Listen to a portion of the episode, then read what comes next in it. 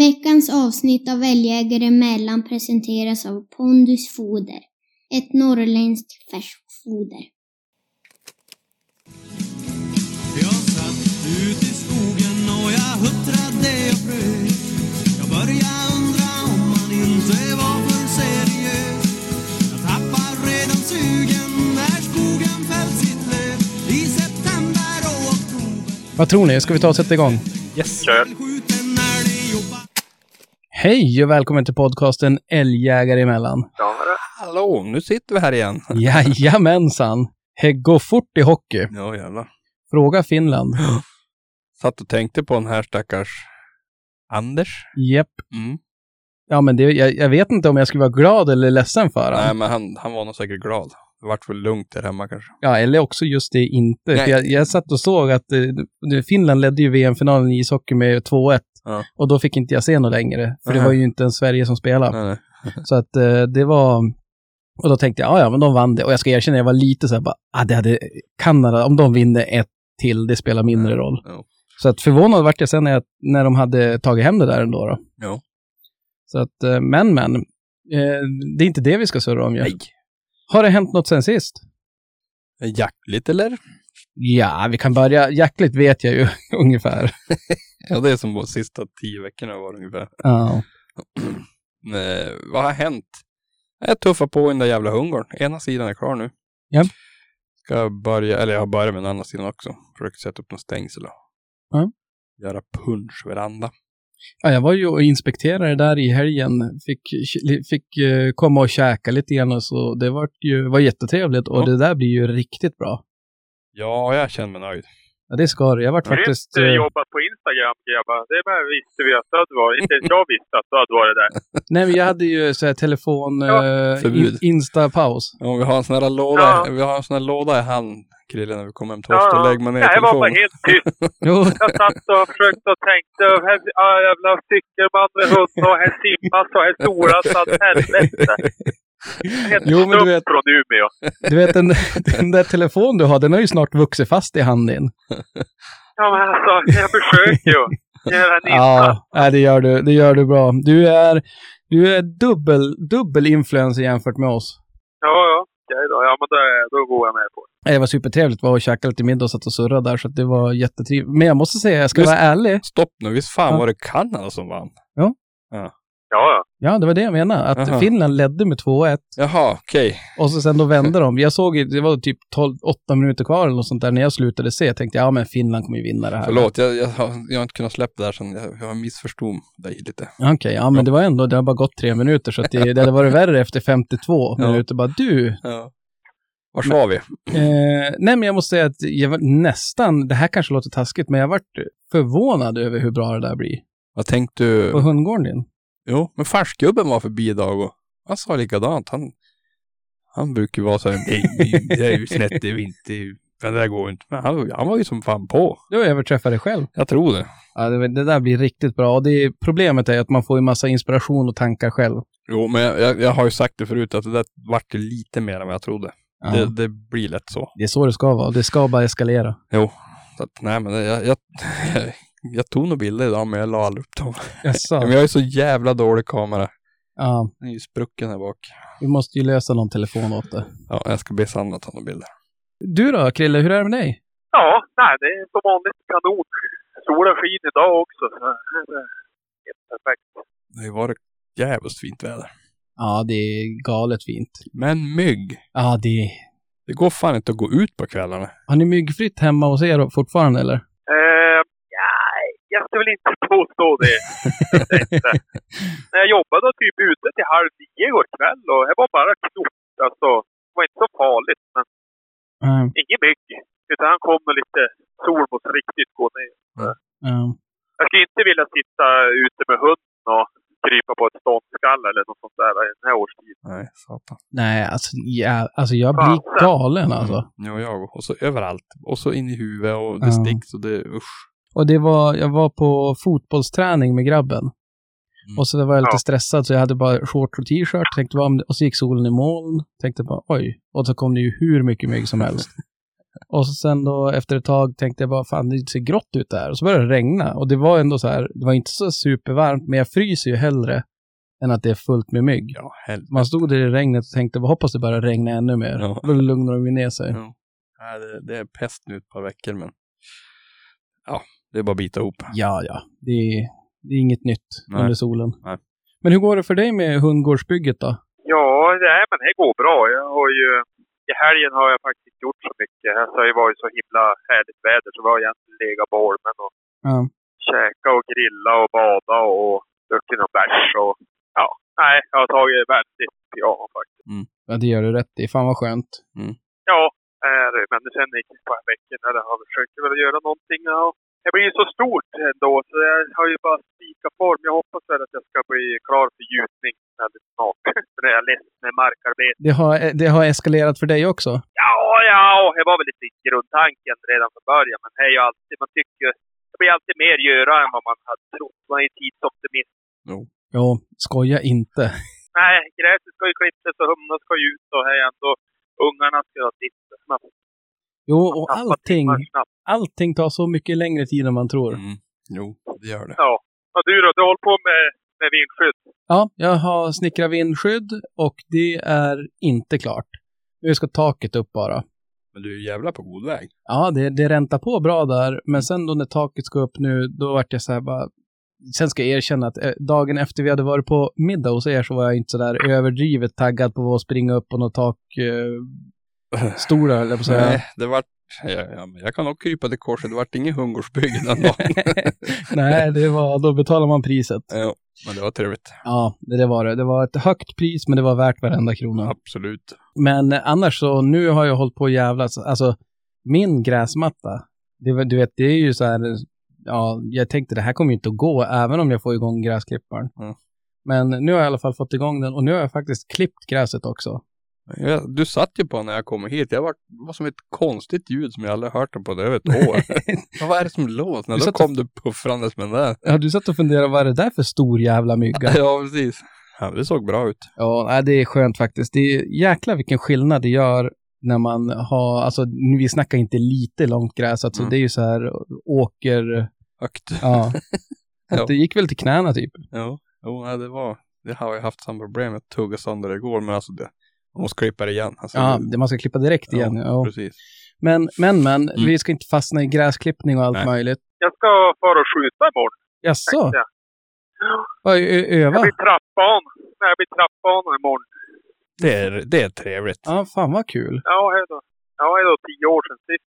Så att alla på jobbet, de, är, ja, de har fått någon sån här... äh, De ska skjutas. Det ska skjutas hela tiden helt plötsligt. Nu, Mm.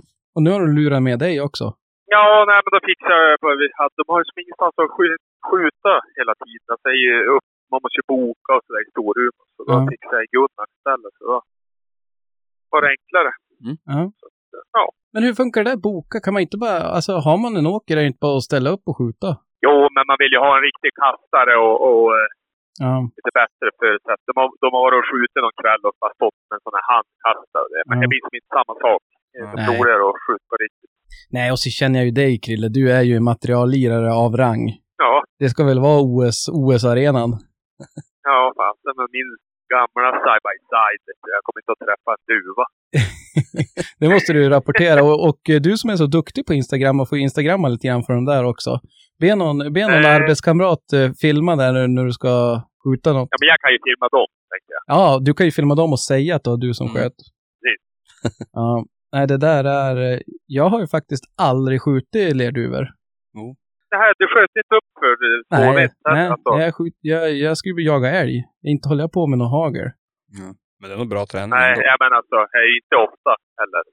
Nej, ni, ni, ni behöver inte be, be om ursäkt höll jag på att säga. Det är ju dumheter hos mig. Men jag var verkligen bara inställd. Jag ska bara jaga älg. Varför ska jag Mm. hålla på med det där? Mm.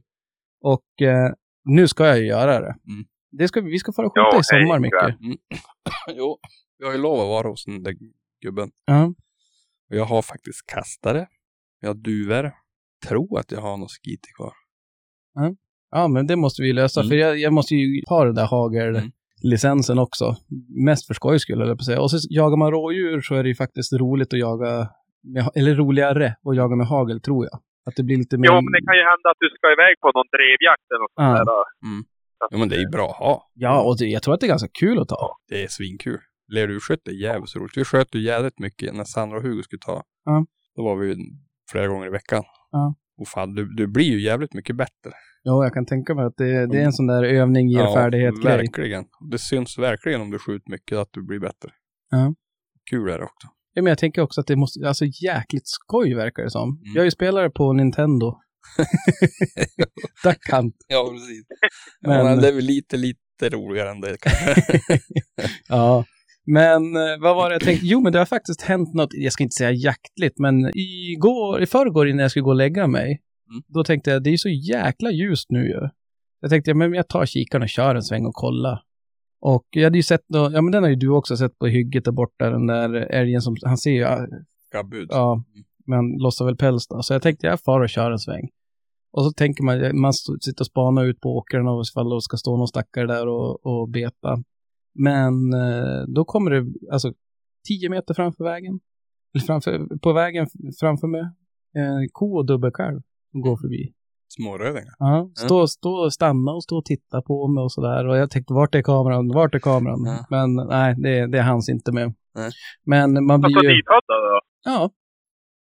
Man Ja. blir så jäkla kul när man ser det där. Alltså, och framförallt dubbelkalv. Det är ju Ja. så här, det är ju dubbelt så, så skoj. Ja. Höll jag på att säga. Jo, nej, de är jävligt, och, ganska fränt hur mycket de ökade nu till i september. Ja, så nu är är de ju helt- som en spindlar. alltså. Ja, det är ju det är bara bena på dem. Mm, precis. Men nej, men så det, är ju- det var, det var inte jaktligt, men det var, man kan väl åtminstone härleda det till kommande jaktligt kan man säga. Var det på vårat? Ja, eller just på gränsen kan man säga. Ja, men då var det på. Ja, de, kom ju, de, de gick bortåt nu för att komma tillbaka sen. Ja, ja. Klokt. Så Eller att, oklokt. Ja, det, det, det beror på. Det, får vi, det, det, det har vi all anledning att återkomma till. Precis. Veckans avsnitt presenteras av Pondusfoder. Vet ni vad Blattnicksele, Vittangi, Vännäsby och Sveg har gemensamt? Mm, nej, det Nej. vet jag inte. Eller, eller jo, det finns ju älg där. Ja, eller ja, ja det, får vi, det får vi verkligen hoppas. Men det är några av de orter som Pondus har utkörning till. De har ju sin fabrik i Överkalix, som de själva kallar det, hjärtat av Norrbotten. Men de levererar faktiskt via sin egen bil upp till Kiruna och ner till Dalarna. Okej. Men så kör de ut det då? Alltså hundmat bara Ja, på plats eller hem till folk eller? Precis, det går, eh, det, det funkar som så att det går olika turer var fjärde vecka. Så att, och beställer man då innan fredag, veckan innan, så får man ett sms när leveransen kommer just till din, till din ort. Men du, det är, ju- det är ju perfekt. Ja, men om man bor söder om Dalarna då? Det är ändå några som, som gör det och Jo, det är klart, de, de är ju några stycken, men det är faktiskt inga problem för dem heller, utan då går de bara in till någon av alla återförsäljare och kan köpa det precis som man gör med, med, med allt annat via en butik eller en återförsäljare. ja, ja. Och då är det bara, då är det bara att gå in på pondusfoder.com för att hitta närmsta återförsäljare. Och eh, man går även in där om man vill se vilka rutter som finns och eh, få mer information, info om de här utkörningsbilarna. Men och så är det ju på pondusfoder.com hittar man ju ännu mera information om både foder och, ja men och allting egentligen. Ja, nej men så är det absolut. Vi, vi säger tack Pondusfoder. Men du, på lördag då smäller Jaså, vadå? Då ska jag ta hem valpen då. Nej, nästa fredag. Okej. Se. eh, Ja, ja, Den art- då missar jag. Den 18. Dagen är Jaha, fredag. okej. Ja, men det är nära. Det är jävligt nära nu. Nu har han rest båda öronen också. Jag fick en bild av honom. Som jag inte heller har lagt upp. Man skulle ju skämmas ta mig fan. Ja, och den där, när du får en bild Ja. så behöv, då kan du inte skylla på kameran heller ju. Nej, det är sant. Nej, men jag har i alla fall en bild på när han har rest öronen. Han är ju för jävla fin. Ja, det är ju, men jag måste säga, jag, jag gillar ju när de inte, jag tycker de är så Jo. jävla söta när de har öronen nere. Jo, det är, det är de ju, men det är inte så jävla rastypiskt. Nej, nej, nej, det är, men det där, fan vad tidigt det måste vara ändå. För båda mina har ju varit hemma innan de har rest öronen. Jaha. Och jag hämtar dem ju på dagen på, vad är det, 12 veckor, 8 veckor, vad är det? Åtta. 8. Ja, de här blir åtta veckor och en dag när jag hämtar. Mm. Så att, eh, det blir jävligt spännande. Ja, det, han har ju ett fint hem att komma till.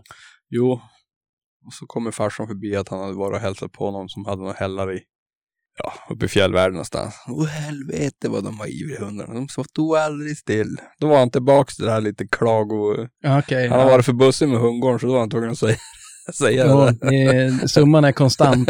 Det är ett givande och Jo, tagande. jo. Men eh, nej, men jag, jag tänkte på det där nu. Det är ju, vi har ju som blivit den inofficiella Hällefors-podden här nu. Mm. Det är ju jättemånga som hör av sig, vilket är superskoj. Mm. Men det har varit kul att höra om någon annan hund också. En Hälleforsare hit och Hälleforsare dit. Ja, vad säger vi Krille? Vet jag, Jag hörde inte. vet, jag, tror, jag tror ta med fasen alla 13 Hälleforsägare har hört av sig snart. ja, jävlar. Om det kommer att bli mer då. Tro mig. Ja, ja jag, jag är rädd för det. Men det är faktiskt många som har hört av sig Mm. med um, karelska björnhundar, svartvita. Ja, precis. Och jag fick, vi fick en utmaning, har ni sett den förresten? Eh, nej. Vi fick en utmaning från en kille, nu kommer jag inte ihåg vad han hette och det är kanske lika bra, han kanske inte ville att jag skulle nämna det här. Ja. Men en bild på tre hundar. Och det var så här, jag vill minnas, nu plockar jag det här ur minnet, men att två var karelare och en var den här som vi kämpade med, nordeuropeiska lajkan. Östsibiriska eller vad det var. Ja, det var inte det, det var nord- nordeuropeiska. Men och fråga, alla var rastypiska och att vi skulle ta ut vem som var vem. Jag kommer ihåg bilden. Precis, det stod Ja. tre stycken där. Ja. Och jag tänkte det att det är ju bättre om någon av ni svarar på det där, för jag har ju ingen aning. Jag säger bara, det är, ju, det är ju tre hundar, så jag. Nej, det vet inte jag. Jag hade tänkt att svara tre. Han kan, kan, kan ju vara sån där att alla tre är karelare och så ska han bara Ja, det är jävlas med en slamkrypare så att säga. Precis. Ja. Ja, nej men den där, vi ska, jag ska höra, jag ska skriva till honom och höra om vi får lägga upp den i, i gruppen älgjägare emellan så får folk gissa. Mm. För det, ja, jag har ingen aning. Nej, alltså jag kan inte heller se kanske. Så att, eh, men eh, ja, nej men det, det, det kommer. Om det är okej för han så kommer jag lägga upp den där. Eh, vad mer ska vi prata om? Jo, men vi, jag har ju ringt och stört en, inte stört en, en ingenjör, som var någon tv-serie jag såg någon gång, utan stört en veterinär. Och det var väldigt intressant, om jag får säga det själv. Det får du, för jag kommer att säga likadant. Ja, så att eh, vi, frågan är, ska vi ta och göra som så att vi lyssnar lite grann på när jag ringer och surrar med Anna Pamuk Mm. och eh, så återkommer vi efter det. Yes.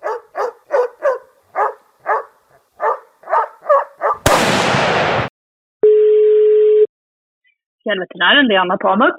Ja men tjenare Anna, det är Daniel från Älgjägare emellan. Hur är läget?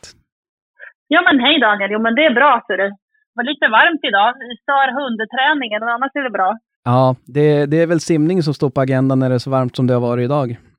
Mm, Ja precis, och sen får man väl anpassa sig efter vädret helt enkelt. Ja, nej men så är det. Du, jag tänkte det, vi kommer prata lite mer om träning sen säkert, men jag, jag satt och funderade lite grann här.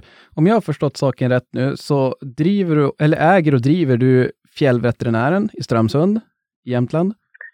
Precis, eh, en eh, fristående klinik, lite annorlunda brukar jag säga för att vi, alla vi som jobbar här, vi är inte så, vi är en medelstor klinik med tre veterinärer och sköterskor, men vi har ju också en, en butik och en, ett fik. Vi handhar ju och lever jakthundar här uppe. Eh, vi har alla ett brinnande intresse just för friskvård och sjukvård för, för arbetande hundar och jakthundar. Ja men du, och så dessutom så har du sånt brinnande intresse så du har skrivit en bok också. Ja, precis. Men det är som sagt, när man, jag tror att alla känner igen sig som har eh, ett jaktintresse. Eh, att man lägger ju så himla mycket tid och planering och energi på sina hundar. Och det gör jag ju själv också. Eh, och eh, jag har skrivit en bok som heter Hela jakthunden som egentligen är baserad på en hel del artiklar jag har skrivit genom åren, bland annat i Jaktjournalen. Och den handlar om, om friskvård vad man ska göra som, som jakthundsägare för att se till att det inte blir skitjakt där ute och vad man ska göra i olika akutsituationer som kan hända. Ja. Ehm, och den är som en liten, ja den ska vara som en liten uppslagsbok och, och så man kan känna, alltså man, man kan mycket mer än vad man tror som djurägare till en jakthund och istället bara för att säga att shit, det är noskvalster, så ska man backa bandet och kanske ha hittat den här halsinflammationen eller störningen i tid och veta att man har koll på utfodringen och sådär innan det händer. Ja, det låter som att du, har redan varit inne på ett par, tre frågor här som jag, som jag har Mm. tänkt ut här. Men och så, förutom det, så du var inne på det, du skrev åt Jaktjournalen och du skriver också i, i någon lokaltidning jag lyckas googla mig till. Ja, men precis. Jo, men alltså jag, vi har ju Eh, jag, jag skriver egentligen om mitt stora intresse framför allt och det är både som krönikör eh, och som eh, skribent och författare. Och sen är jag ju normalt ute och föreläser också en hel del om det här för att, man, att lära ut eh, helt enkelt förebyggande vård, akutsjukvård för jakthundar. Ja. Eh, så att eh, ja, så är det. Jag, det. Folk brukar säga till mig, så, när, hinner du, när hinner du jaga då? Ja, men alltså det, det är det jag gör när jag är ledig. Eh, och eh, eh, då är det ju, det måste jag erkänna i den här podden nu också, att det är mest småviltsjakt som står på agendan för oss, jag och min man. Okej, ja nej men det, det är helt okej. Vi är inte, vi är inte, vad ska man säga, vi är inte rasistiska när det gäller, äh, när det gäller något egentligen, skulle jag vilja påstå. Nej, det är att, eh, det är, vi är öppen för alla, alla tycken och smaker. Och det var faktiskt min fråga där, om du hinner jaga någonting, men du, du hinner med det, det är rekreationen höll jag på att Alltså, säga. Ja, jag gjorde ett val för många, många år sedan när jag startade Fjällveterinären. Att att jag jobbar på jourkliniker och sånt där. Och jag vet att, att det, det behövs. Men eh, jag, jag gjorde ett val att, att skapa en klinik där, där vi inte jobbar på nätter och helger. Just för att kunna eh, hinna med att jaga till exempel på helgerna. Ja. Eh, när det annars är vår mest aktiva säsong. Eh, så att, eh, och vi har skillerstövare och vi har pointer och vi har något så exotiskt som en jaktgolden. Eh, och en liten blygsam uppfödning också mitt i alltihopa. Så att, ja, det är Ja. vårt stora intresse, jag och min man. Ja men du, jag hör ju det och jag förstår att ni tänkte att vi måste öppna, vi måste köra lite uppfödning också här, vi har, vi har för mycket fritid. Eh, ja, för mycket tid, ja precis. Jo men absolut så är det. Nej men alltså, det brukar, ja, det, man, säljer så mycket, eh, det är ju det där med att hitta den där hunden och hitta linjen man tror på. Ja. Så att, eh, och, och det är ju framförallt min man som, som tidigare också haft ett väldigt stort engagemang och intresse, framförallt inom Stövarklubben. Ja. Eh, men eh, eh, nej, men vad då? Det är väl roligast av allt. Jag har en, en 12 och ett halvt årig skiljerstövartant hemma nu som, som jag har hjälpt till att förlösa. Det är helt magiskt när man ser dem utvecklas som unghundar och får vara med och prägla dem. Liksom. Ja, och, och då är man ju verkligen med på hela, hela resan så att säga. Ja, visst. Och det är ju det absolut bästa egentligen, tycker jag. Men, men det är klart, nej, det, är- man, man, jag brukar säga att man ska ha en kull så ofta så att man glömmer bort hur, hur förbaskat jobbigt det är emellan. För det är ju mycket jobb. Men sen gör man det ju ändå för att man vet ju att det är så himla roligt. Ja, nej men det är märkligt hur, hur vi människor funkar där faktiskt, att man, man har en tendens att glömma bort det som var jobbigt och komma ihåg det som var roligt. Och det är ju bra. Mm. Ja, men visst. Så nu, nej, nu är vi redo för två kullar i höst, så att det kommer gå jättebra. Oj, ja det blir, det blir fullt upp. Men jag tänkte det, hur, hur kom du i kontakt med jakten från första början? Eh, egentligen kan man säga att, jag brukar säga lite så att mitt veterinärliv eh, började när jag flyttade upp till Jämtland för nu dryga 20 år sedan. Eh, jag har alltid varit en natur och hundmänniska och hållit på ganska mycket med andra typer av arbete med hundar. Och retriever har alltid funnits med mig. Men sen så eh, kom jag upp hit och jag menar det är ju, här, här har man en livsstil där jakten är liksom väldigt basal. Och jag mötte de här problemen tidigt och blev ganska fascinerad och intresserad av att kunna hjälpa till. Eh, och sen hjälpte det ju till också att jag träffade min eh, jakttokige man. Eh, och på den vägen är det egentligen. Fick kontakt då med, med stövare. Och ja, nu kan vi inte vara utan skillerstövare om jag säger så. Mm. Så att, eh, ja, eh, jag är inte uppvuxen i en jaktfamilj, men nu är jakten i blodet hos mig. Ja. Eh, och det jag brinner för både privat och framförallt yrkesmässigt. Ja, ja, men det tycker jag det är jätteroligt att höra att man behöver faktiskt inte födas in i det, utan man kan faktiskt eh, komma in i det senare i livet också. Ja visst, och det är ju, det är ju så, alltså det är så många, jag har kollegor och, och vänner som, som jobbar söderut och de säger så här, för jag brukar alltid säga att jakthundar är speciella. Ja, men varför då Anna? Vad, vad är det som är så himla speciellt? Och det finns ju mycket man kan bli nördig på cellnivå, vad som händer i en jakthunds kropp. Men jag säger att de hundarna, de, de flesta djurägare jag träffar har sådana, alltså jakttiden är så förbaskat kort. Man måste liksom förbereda dem och lägga så mycket krut och energi på dem för att det ska vara roligt där ute i skogen. Ja. Och det gör ju att man har, man har svåra hundar att tolka, för de är väldigt duktiga på att kamouflera skada och sjukdom. Men samtidigt så har man djurägare som verkligen lägger ner mycket tid och pengar och är jätteintresserade av att lära sig mer om sina hundar. Och det är speciellt. Så att jag brukar säga att man, man, det, det vore, enklare att spela golf, men det är så förbannat roligt där ute i fält och, och, stå där och grina när allting bara funkar. Eh, så, så det är det, det är det liksom som är motivationen. Det är det man ser på Facebook och alla ställen, men, men eh, inte alla de där gångerna när man när det inte går så bra. Nej. De finns ju också. Nej, de, de finns de också. Det är som sagt, de ser man inte lika ofta på sociala medier. Och det får man ju nästan påminna sig själv om ibland också, att eh, det verkar gå så himla bra och lätt för alla andra. Men det är för att Ja, de inte visst, delar nej. med sig av alla eh, motgångar alltid. Vi kanske ska göra ett avsnitt om alla skitjakter som har varit. Jag kan bidra med några. Ja, du, det är inget dumt. Det är ingen dum idé. Jag tänkte höra det. Vad, vad jagar du helst om du får, eh, en, eh, om du får, nu, nu behöver man ju inte utesluta någonting, men jag tänkte vilken är, Nej. vilken är eh, Nej, men f- Formel alltså- 1? Eh, Formel 1 för mig, alltså jag har en liten märklig Formel 1 faktiskt som jag börjar med första augusti och det är duvjakten som jag tycker är jätterolig. Ja. Med min retriever. För hon eh, är ju en ja, så pass gammal och, och duktig nu så att det går bara av sig själv. Så det tycker jag är jättekul. För det blir liksom en bra start på hösten. Sen är det klart att även om jag tycker det är, är eh, trevligt med att sitta ute i skogen och sådär så är ju fjälljakten det som är den, den största upplevelsen för mig privat. Ja. Eh, nu får vi se hur mycket det blir, men det är väl också en annan diskussion. Men, men eh, det är ju häftigt liksom att få den här kvalitetsjakten. Sen har jag ju varit med, alltså jag ska säga så här, jag har varit med mycket ute i skogen och, och eh, både på eh, eh, ja, så stövarjakten naturligtvis, men eh, eh, även på älgjakt och Ja. björnjakt. Men det är ju det där med att man måste, alltså jag är ju ingen, jag, jag, jag tycker ju att min lilla, min, min lilla berättare räcker gott och väl liksom. Ja, nej, men det är, ju- vi får verkligen hoppas att det, jag vet inte, vi ska väl inte fastna i det kanske, men, men just det här med fjälljakten känns ju, ja, det är lite stökigt där. Det, det, ja, det, det, är inte, det är inte värdigt för oss. Vi har ett sånt kvalitetsliv när man bor och väljer den här livsstilen. Jag tycker att det är sorgligt att, eh, att, att många, många både intresse och livsstil och företag bara körs över. Men, men det är ju någonting som, det, det är som tråkigt gentemot jägarkåren att det ska vara så. Eh, det tycker jag verkligen. Jag har många, många vänner som, som lider ont av det.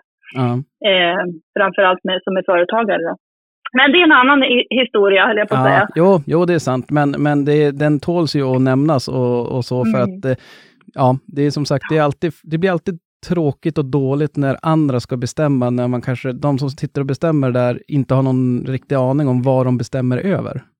Nej, men man blir så förbannat överkörd. Och som sagt, man har ju det här som sitt stora fritidsintresse. Och jag har det som mitt liv kan jag säga eftersom jag jobbar och jag menar, har, ja, med, jobbar med det och lever med det. Att man har ju vilka, liksom, vilken sorg det är över att inte bli hörd och förstådd. Och, och även hur jägarna stämplas ute i samhället. För det tycker jag också är en väldigt tråkig följd av det här. Eh, man ska vara, jag är jättestolt att säga att jag är jägare, eh, men det är inte alla som kanske är det längre. Det börjar bli som ett ord som är ganska laddat. Ja, Eh, och eh, ja, vi får se vad som händer. Men eh, fjällen finns kvar, fåglarna finns kvar, hundarna finns kvar. Vi får se. ja, nu gäller det bara att rätt personer kommer på rätt tankar. Gud ja, ja precis. Vi får göra vad vi kan, alla och en var. Det är väl en uppmaning. Ja, Vi måste faktiskt. stå på oss och vara stolta över att vara jägare oavsett vad vi jagar för någonting. För det är ju, en, det är ju liksom en gåva att eh, kunna eh, få, jag menar bara det här med som jag har känt sen jag flyttade upp till Jämtland också och nu känner mig som jämtlänning. Att fylla frysen och liksom ha, ha en kvalitetsliv i det här. Eh, att inte behöva köpa kött som har transporterats runt halva världen utan att eh, och att veta liksom att man äter någonting som har varit en gemensam projekt för hundarna och oss själva då. Ja. Ja, nej, det, det är som sagt, hoppas att inte sista ordet är sagt. Så att, men jag tänkte om vi ska ta Nej. och, och prata lite hundfrågor. Ja men självklart, ja. Det var en parentes. Ja, Ja, nej, men, och det, det är som sagt, det kommer säkert att, att gå in mer på det senare. Men, ja. Ja, ja, precis. Du kan ringa igen då. Nej, Ja. men i alla fall. Jag, jag, jag, nej, och jag ska säga också att även om jag nu inte är storviltsjägare så, och det är ju bara för att jag inte egentligen har tid, eh, utan eh, så är ju, ligger ju älgjakten och, och eh, storviltsjakten mig nära hjärtat också. Ja. Och de flesta patienter som jag träffar eh, är ju eh, älghundar. Ja. Eh, så att mitt stora, min stora kompetens och, och, och erfarenhet ligger ju just på den sidan Ja. tänker jag också. Så att det är jättebra att fråga på.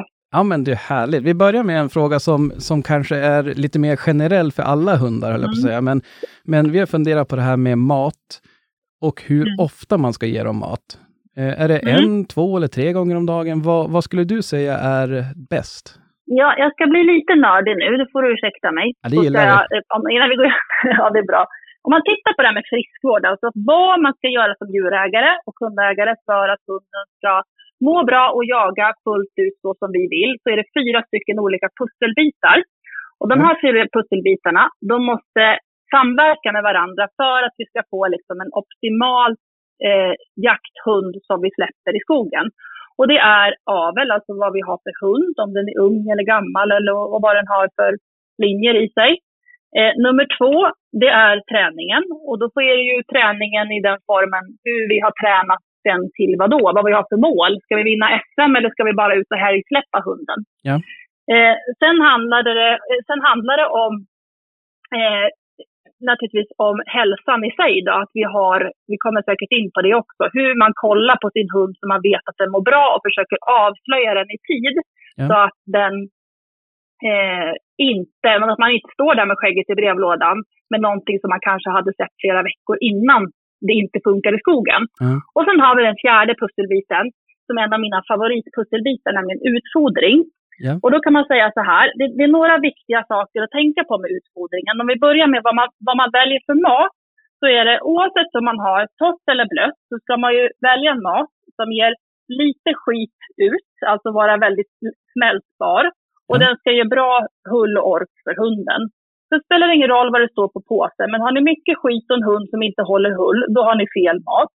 Ja. Och när man ska byta mat så ska man göra det eh, en till två månader innan jaktstart. För så lång tid tar det för grovtarmen innan bakteriefloran har satt sig. Okej. Och sen, och sen det tredje är så här att ja men hundar är ju vargar och så vidare. Ja men det är de inte när vi har avlat fram till alla de olika varianter och eh, arbetsformer som finns. Utan eh, där hävdar jag i sten att de allra flesta hundar mår bra av att äta två gånger per dag. Eh, och att då eh, undantaget unghundar som ska äta tre gånger per dag. Och det gör jag gärna och så lever jag själv upp till och med kanske runt ett år. Ja. Eh, och det är bara för att i mag-tarmkanalen så sitter 90 procent av hela hundens immunförsvar. Så det är en jätteviktig pusselbit det här som många missar. Det värsta man kan göra det är ju liksom att tvärbyta mat precis innan jakten eh, till något energifoder. För då kommer man få problem med mag-tarmkanalen. Så att titta, nu är det alldeles lämpligt att titta på sina hundar och tänka till vad man vill utfodringsmässigt med hunden inför, inför hösten. Så långt svar på din fråga, men jag skulle säga två, gånger, två till tre gånger per dag. Eh, så spelar det inte så stor roll hur man ger maten, för har man ett bra lättsmält foder, jag brukar servera det med lite ljummet vatten på eh, och sen sätta ner maten och så att de får äta den direkt. Ja. Har man en liten kinkis, då får man ju gärna, då måste man då måste man försöka överlista hunden lite grann, hitta kanske mer lättsmält smaklig mat och sen inte låta hunden uppfostra oss som de är väldigt duktiga på. Eh, att det där vill jag inte ha. Om jag vägrar kommer jag få leverpastej istället och det är Ja. mycket godare. Så att, eh, och, utan det bästa, de vill inte ha ICAs matkassar utan de vill ha samma tråkiga mat hela tiden. Då mår deras mag-tarmkanal som absolut bästa. Ja. Eh, så att, eh, ja men det är en pusselbit eh, som, som jag pratar, gärna pratar mycket om. För det är många gånger där det kan fela för en hund som då inte funkar i skogen. Ja, nej, men det kan jag tänka mig. Eh, Jag kan tänka mig att ja. där är vi ägare ganska bra på att, eh, att projicera våra egna sanningar. Det är som du säger där med till exempel med, jag har hört både det här med att de är vargar, hur ofta äter de? Och de äter typ var Mm. tredje dag. Och sen eh, Mm. har jag hört till exempel, det där, eller jag har tänkt själv också, bara undrar hur kul det är att käka den här ma- samma mat varje dag. Det skulle ju vara tråkigt tycker man som människa, men, men det är som du säger att det är ju kanske att föredra till och med då. Ja, ja, absolut. Och tillverkarna är ju jätteduktiga på att vi ska få eh, alltså, dåligt samvete och tänka att och de är förmänskliga dem helt enkelt. Ja. Eh, ta det här med spannmålsfritt till exempel. Ja. Hundar behöver mat med kolhydrater i, men det ska inte vara skitspannmål. Det ska vara fibrer och det ska vara lättsmälta kolhydrater som ger energi. Eh, men bara för att en mat är spannmålsfri betyder inte det att det är en bra mat för hunden, för de har ingen glutenintolerans eller någonting sånt. Utan, och sen är det ju så att många tycker, ju- det är till och med gått så långt att på, på hund och kattsidan att man gör foder med olika färgade bitar för att det ska tilltala oss. Mm. Men hunden bryr sig noll och ingenting med det här, Nej. utan de vill ha en bra kvalitetsmat som är anpassad för hundens näringsbehov. Ja. Och, och pratar vi våra hundar så, så måste vi lägga lite krut på att välja bra, tyvärr dyrt foder för att de ska må bra och prestera. Jag tänkte det du sa där, att du, du gav också gärna med, med lite vatten. Mm. Och det är någonting som också man, man pratar ganska mycket om och hör mycket om, det här med att vätska upp hunden, framförallt innan jakt. Mm. Och det tycker Mm. jag, där, där förmänskliggör de kanske också Ja. de, det tycker det, det låter vettigt. Det är som för en, en, en själv när man ska göra något. Får man vätskebrist Ja. är ju inget bra. Nej, och då kommer vi in på en, en gyllene regel när det gäller just utfodringen som vi kallar för toppladdningen. Och det är ju ett sätt att tänka. För då har vi, liksom, då har vi, haft, då har vi valt en bra mat som vi vet att hunden mår bra av. Men då måste vi tanka vätska och energi när vi väl sen ska släppa den. Ehm, och då är den i tre olika steg kan man säga. Och här behöver man inte använda produkter eller någonting sånt, utan här är det ett sätt att tänka. Ja. Att man ger lite mer mat kvällen innan med extra vätska. Inte mycket, men lite mer så att det får smälta under natten. Och sen en till två timmar innan släpp, då vattnar vi våra hundar med någonting som är extremt lättsmält energi. Det finns hemkokt, det finns burkar, det finns kex, det finns alla möjliga varianter. Ja. Eh, och sen när vi har då tagit och kopplat vår hund för dagen, eller om vi då byter område när det gäller till älghundarna, så eh, ger man dem eh, små korta kolhydratkedjor som ger energi för skallen och salter som öppnar upp grovtarmen så att den får ta upp vätska ordentligt. Eh, det här, vet du hur mycket en, om vi säger en jämte på en 25-30 kilo, eh, dygnsbehovet ligger på ungefär en, en och en halv liter. Så mycket vätska måste hunden ha. Vet Ja. du hur mycket det dubblas på en lite varmare intensiv jaktdag? Jag skulle säga det dubbla. Ja, du får fyrdubbla det. Oj. Och då börjar man förstå varför det här är så stort problem. Och då kan man inte kolka i en hink med vatten, för då kommer hunden få problem med magvridning och annat sånt. Utan det här handlar om ett sätt att lura kroppen och ta upp vätska ordentligt, så vi motverkar vätskebristen. Ja. För då kommer vi få en hund som återhämtar sig bättre och som orkar mer. Så det är jättehäftigt. Det är nästan som man är lite predikant när man pratar om det här med toppladdning, för det är så himla viktigt och eh, man ser en så stor effekt på på hundens ork framförallt, och återhämtning. Ja. Så att vätskan, vätskan är, alltså det är det viktigaste näringsämnet för en hund är vatten. Och det missar många och tänker att de dricker i skogen, herregud. Det gör de inte förrän de är jättetörstiga. De kommer aldrig få i sig så mycket vätska som de behöver. Ja. Nej, och det där är ju jätteintressant för, för eh, jag tänker ibland så förmänskligar de också, eller tänk, jag drar paralleller till hur det är för, för idrottskvinnor och idrottsmän när de ska Jajamän. prestera. Och att någonstans så, så borde det vara ungefär liknande, att man behöver ja, men energi för att kunna prestera. Och, och Ja, vatten är ju lika viktigt för oss, tänker jag där. Och för att konkretisera det där, så kvällen innan, när man ger maten kvällen innan, då ger man lite extra Ja. vatten. Och skulle man ge lite Ja. extra mat, På, vad sa du, på, på så- morgonen? Ja, nej, på, på, dag, på kvällen innan. Ger man ordinarie mängd eller det man brukar Nej, ge? utan en, en och en halv till två gånger mer mat ger jag eh, Ja. på kvällen innan. Så att det ligger och smälter. Ja. Och då ger man med lite mer vatten. Ja. Eh, och sen så på morgonen så ger man något lättsmält energi som innehåller fett. Här har du en stor skillnad mellan människor och hundar. För att människor de kolhydratladdar, men hundarna kolhydrat efterladdar. Om du petar i dem massa pasta och ris och grejer då, det kommer bara störa mag-tarmkanalen mer än göra nytta. Ja. Och så kommer vi ihåg igen, varför är det så himla noga med det här? Ja, för återigen, 90 procent av immunförsvaret sitter i mag-tarmkanalen. Så mår mag-tarmkanalen bra, så mår ju jakthunden bra och Ah, orkar mer. då börjar jag förstå varför det här är en av dina favorit eh, fy, Ja. fyr, fyrkanter, eller jag på att säga. Nej, men, eh, Ja, och det är så, alltså, och det är så himla häftigt, så börjar man tänka till själv som hundägare. Så här, men det är inte någon, det är inget svårt egentligen, det är bara ett sätt att tänka. Man, måste, man kan göra hemkok, man kan, man kan köpa produkter, men, men gör man det här, eh, och det här tror jag verkligen att många, att vi har ett, ett positivt generationsskifte med många yngre jägare som är väldigt intresserade och förstår det här. Och Mm. se eh, hur mycket roligare det blir att släppa hunden. Framförallt dag två, kanske dag tre. Ja, nej, men det, det tror jag också. Och jag tror att det, det, det som är en, en till grej du nämnde där som jag tror är väldigt vanlig, det är det här man går över på ett energifoder i september. Och då Mm. kan ju, om jag förstod dig rätt, så kan ju det snarare nästan, eh, ja men att det kan bli trubbel av det, för att då, då blir det trubbel i, i tarmfloran. Det är väldigt vanligt och klassiskt. Att, ja, men det här var ju ett skitfoder jag köpt nu, det blir bara diarré. Ja, fast du har bytt för sent. Ja. Eh, och att man förstår, alltså en till två månader är jättelång tid, men så, det, det är det grovtarmen behöver ha på sig för att vänja sig. Ja. Eh, så att man kan ju alltid komplettera, men, men man ska aldrig tvärbyta, Ja. som vi säger i Jämtland.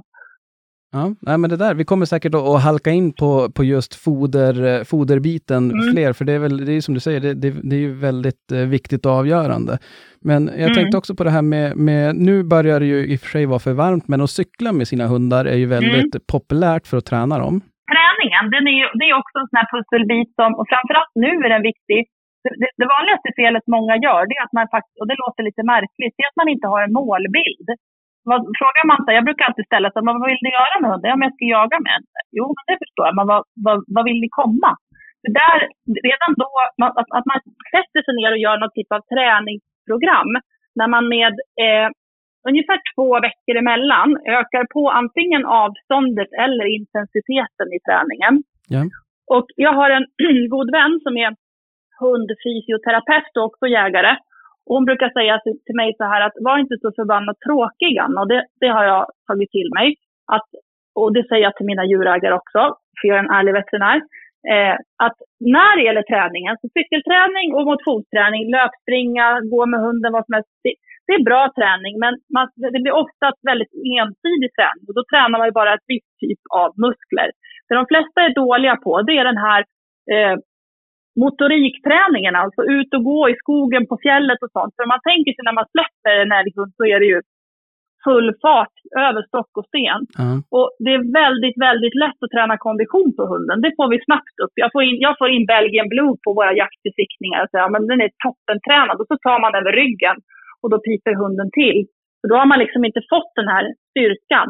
Ja. Om man vill simträna med hunden, eh, det är inte alla som vill det beroende på vad man har för jaktmarker, så det är ett toppenträningssätt också.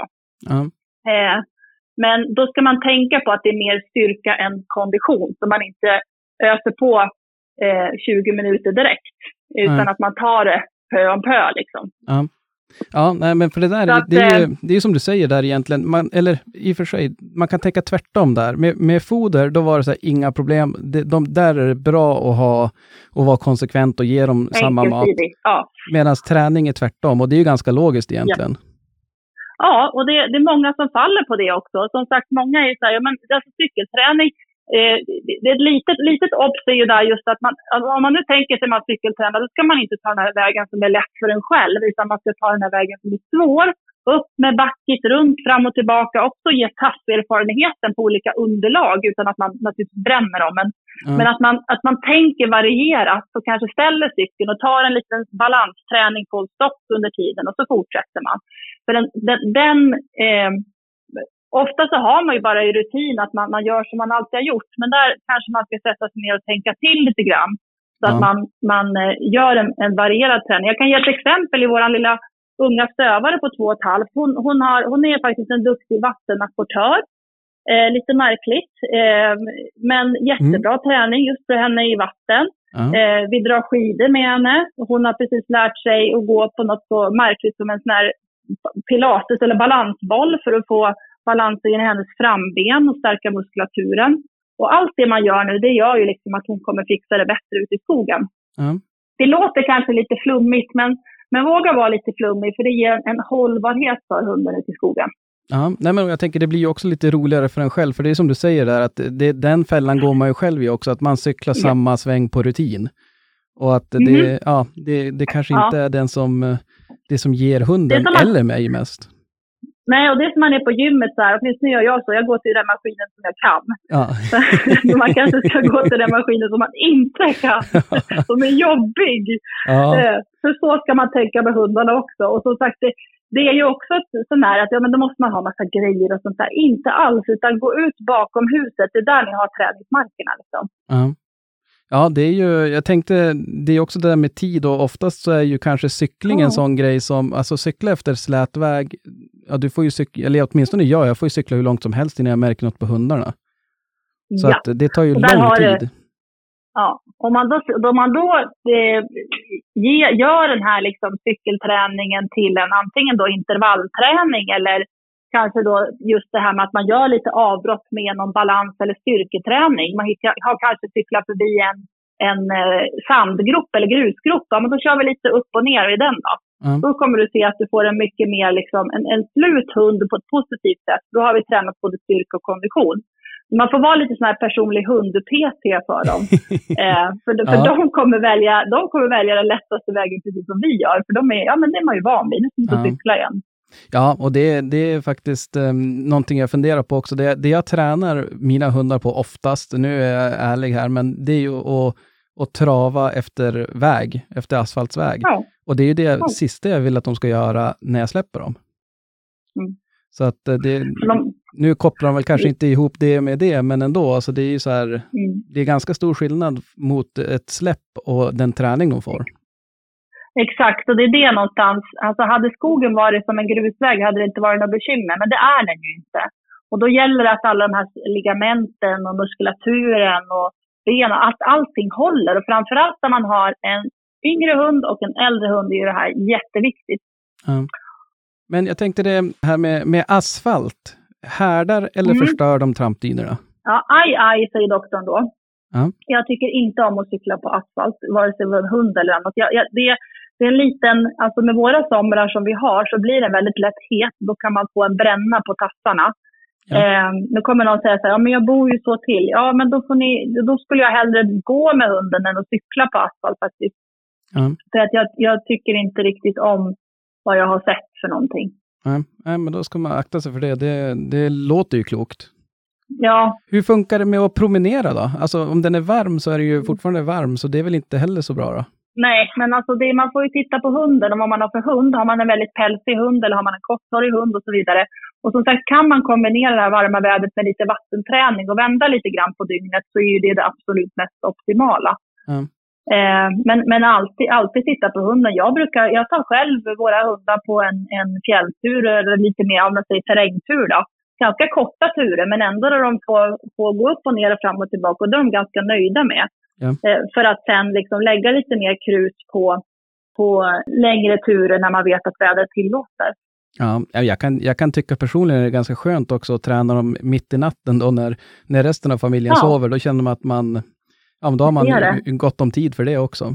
Jag, ser så här, jag brukar säga det på somrarna här i Strömsund. Man kan, det, det, det är ju som, om man tittar på Strömsund, var det ligger, det är ju norra Jämtland och folk kan ju undra vad man gör här. Men, men som, som jägare och jakthundsägare så förstår man ju varför kliniken ligger här. Ja. Och på, på, just på somrarna så vänds ju dygnet här på något sätt. Så då är folk ute och tränar sina hundar och simmar med hundarna och sånt där på kvällen.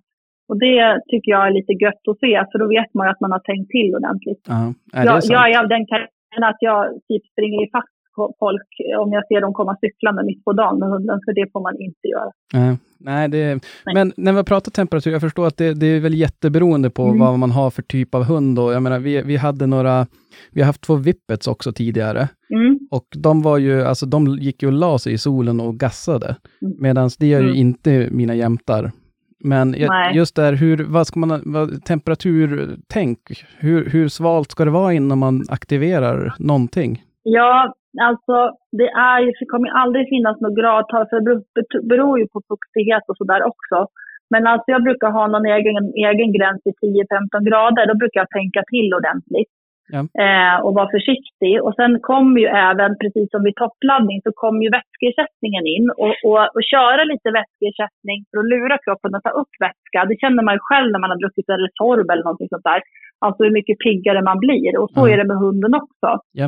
Så att Eh, ja, men jag tänker att tittar man, de, de svettas ju med tungan och tassarna. Så att ser man på hunden att de flåsar väldigt mycket och är liksom varm, då ska man ju direkt avbryta vad man håller på med, eh, tänker jag. Ja.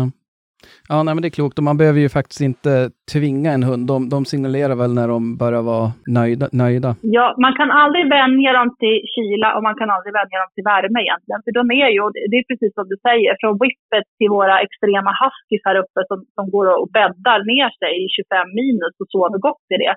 Man kan göra så att man tar ner liksom fingret ner i pälsen och känner om det är väldigt varmt eller svalt där nere. Och det kan man göra till exempel på en jämthund. Ja. Då får man en indikation om, om det känns svalt ner emot huden då. Ja, men där, där fick vi en, där är en, en till fråga här. Vi hade en, en lyssnare Ja. som skickade in bilder på vad jag trodde först var en vippet. Men det var ju Ja. en Laika som han hade rakat. Ja. Och eh, då tänkte jag så här, gud vad skönt det där såg ut för hunden. Ja. Sen tänkte jag en gång till och tänkte att det där kanske inte är så bra av någon anledning. Nej, alltså problemet när man rakar dem, det är ju att det kommer tätare päls efteråt. Eh, jag hade faktiskt min gamla duktiga jaktgolden som var väldigt allergisk. Och honom rakar jag inför varje säsong. Men till slut av mig såg han ut som guldblock om jag Ja. inte rakar honom. Så att det, det, en del gör ju det, men när man, får, man ska vara medveten om att man får en tätare päls, tyvärr. Ja. Ja. Så att det, börjar man så, så får man fortsätta, höll jag på att säga. Eh, ja, börjar man raka dem så får man fortsätta raka dem. Ja. Sen brukar jag alltid, alltså det finns ju sådana här kyldynor och en kall handduk och sånt där, där man lägger över dem. Eh, är också så här bra att man, man är beredd med det under träningen. Att man, om man nu till exempel är ute, även om man är ute och cykeltränar under sommarnätter, så kan det vara bra att man har med sig någon sån som man kan lägga över hunden när man är färdig och ge lite vätskeersättning. Mm. Jag tänkte det också, där finns det ju många som ger ehm, fryst, alltså färskfoder, Mm. som levereras fryst. Och där har jag också hört Mm. dubbla, både gott och ont, att det är så här, men det kyler ner dem, fast det är snarare tvärtom. Mm. Vissa har sagt att det är bra, att det blir som en glass, och vissa säger att det är Mm. dåligt för att det kräver mer energi att äta den där kalla maten. Ja, vilken jättebra fråga. Och då tänker jag så här, det beror, då måste man först fråga sig vad man har för typ av hund, eh, glupskhet i hunden. Hade jag serverat det där till min stövare, då hade det bara snott energi. För att eh, de inhalerar ju mer eller mindre mat. Ja. Eh, och det kommer att göra att eh, återigen den här viktiga mag-tarmkanalen och magen som är en jätteviktig viktigt organ för jakthundarna eftersom den kan ställa till en del bekymmer faktiskt lättare kan bli inflammerad om man dundrar på med en väldigt kylblock. Däremot så tycker jag att man kan göra som en iskross så att de liksom får i sig småbitar av det. Det är bara positivt. Ja. Eh, men jag är inte någon fan av att ge dem stora isblock. För att, och sen när de ska liksom dra tag i tänderna också. Att visst, men eh, jag hade hellre liksom kört den i någon typ av mixer och, och givit dem som en isglass i den formen i så fall. Ja. Ja, så ingen, om man säger så här, inte, inte kulglass utan mjukglass i det här fallet då. Ah, Eh, nu vart man sugen på glass ju. ja, det blev, visst blir man. Ja. Hundglass, ja. Kanske inte har- sån det är- glass, men... Nej. Har man en sån här väluppfostrad hund som sitter och slickar på det, ja men visst, men då tar det en evighet innan de får i sig det. Men, men med finfördelare så funkar det så bra. Absolut. Ja, nej, men du, nu när vi är inne lite grann på, på glass och lite så här, tänkte lite sommarfaror. Mm. Ormbett, de är ju mest aktiva på, på somrarna, ormarna. Hur, Mm. eh, vad ska man göra? Jo, eh, precis. Det är bra att du frågar en jämtlänning som vi har. Jag tror att vi namnger våra hundormar här uppe och sen så försvinner de. Eh, men eh, det är så att ormar, eh, nu, men, men jag är uppvuxen i, i Uppland och Sörmland så att jag förstår precis vad du menar. Ja. De, de är, man, tidigare så gav man ju bara kortison och så eh, tänkte man ju inte på att ormarna kunde, ormarnas gift kunde ge sådana effekter på längre sikt som de faktiskt kan göra för till exempel hjärtan och njurarna. Det är ett riktigt otäckt gift faktiskt just för att det är lömskt, de blir bra och sen blir de jättesjuka och kan dö av det. Därför så har man kommit på de här, som uppfattas ibland lite besvärliga reglerna, att man inte bara ska ge kortison utan att man måste in direkt om man ens misstänker ett ormbett. Och det är för att man spär ut giftet med dropp, att man ger smärtlindring för det här gör jätteont och sen också att man ger någon typ av antisera. Men eh, eh, så att, sen är det så här, och det brukar jag säga på mina akutsjukvårdsföreläsningar, att det här med kortison eller inte, när man står där ute med en akut svullen hund, den, det, det är inte fel i sig, men man ska inte lita på tabletterna eh, som man gjorde förr i världen. Så kortisonet var Eh. egentligen till för att, för att lindra en svullnad eller så? Att det var det Ja, man trodde var, precis. var farligt förut? Att de, ja men som Ja. om man får ett bistick i halsen, att man sväller igen och dör av det? Exakt, och ibland ute i fält så har man ingen aning om det är ett bistick eller inte. Men, Mm. men kyla, stillhet och någon typ av, av eh, smärtstillande tablett. Och har man inget annat än kortison och man har med sig det ut i fält så tar man till det i så fall. Men man, har man ens misstanke om ormbett så måste man in till veterinär. Och jag vet som bor där jag gör att det är jättelångt till allt. Men, men vila, eh, jag brukar säga eh, VOV, alltså vila, värme, syre är akut sjukvårdens ABC. Liksom. Ja. Att man ser till att, att man bäddar ner hunden, håller den i stillhet och sen kyler området men värmer hunden för det är ganska stor chockverkan på det här. Ja. Och om jag förstod saken rätt här nu, så anledningen att man åker in är inte bara för att lindra den här svullnaden som kanske blir, utan Nej. det är, det är mer långsiktiga tänket som är viktigt. Ja, spä ut giftet och, och eh, motverka dess långtidseffekter. Och det är, jag menar, jag, när jag jobbade på, på slutet av 90-talet då, så jobbade jag i Sörmland eh, i skärgården. Och då, det kom ju in ormbett jämt. Och jag, den gamla veterinären där, för de har väl skrivit kortison och sånt där. och De flesta de klarade sig. Men som sagt, jag har också, jag har också tyvärr träffat på fall där man, där man då har, har fått eh, såna här otäcka effekter efteråt. Så Ja. det är bra att den forskningen har gått framåt och, och även om ni tycker att det är apjobbigt att vi veterinärer säger att ja, men vi måste in och liksom inte använda kortison så finns det en, en jätteklok anledning till det. Ja, men det, jag tänker att det är ännu jobbigare när, när hunden blir dålig långt senare och ingen vet varför och att det blir Nej. tråkigt för evigt, höll jag på att säga. Ja, ja nej men alltså gud, jag usch, det, det är jättehemskt. Och som sagt, de, de, det är ju verkligen så att de, de här organen stänger av. Och för- förlorar man både pumpen och, och kroppens reningsverk, då, då klarar man många hundar inte av det. Nej. Nej, huvaligen. Något till som är Mm. lite, kanske inte lika farligt, eller jag vet inte, det, det är därför jag tänker jag ska fråga dig. Uh, fästingar. Jag misstänker att ni inte har så Mm. jättegott om fästingar heller.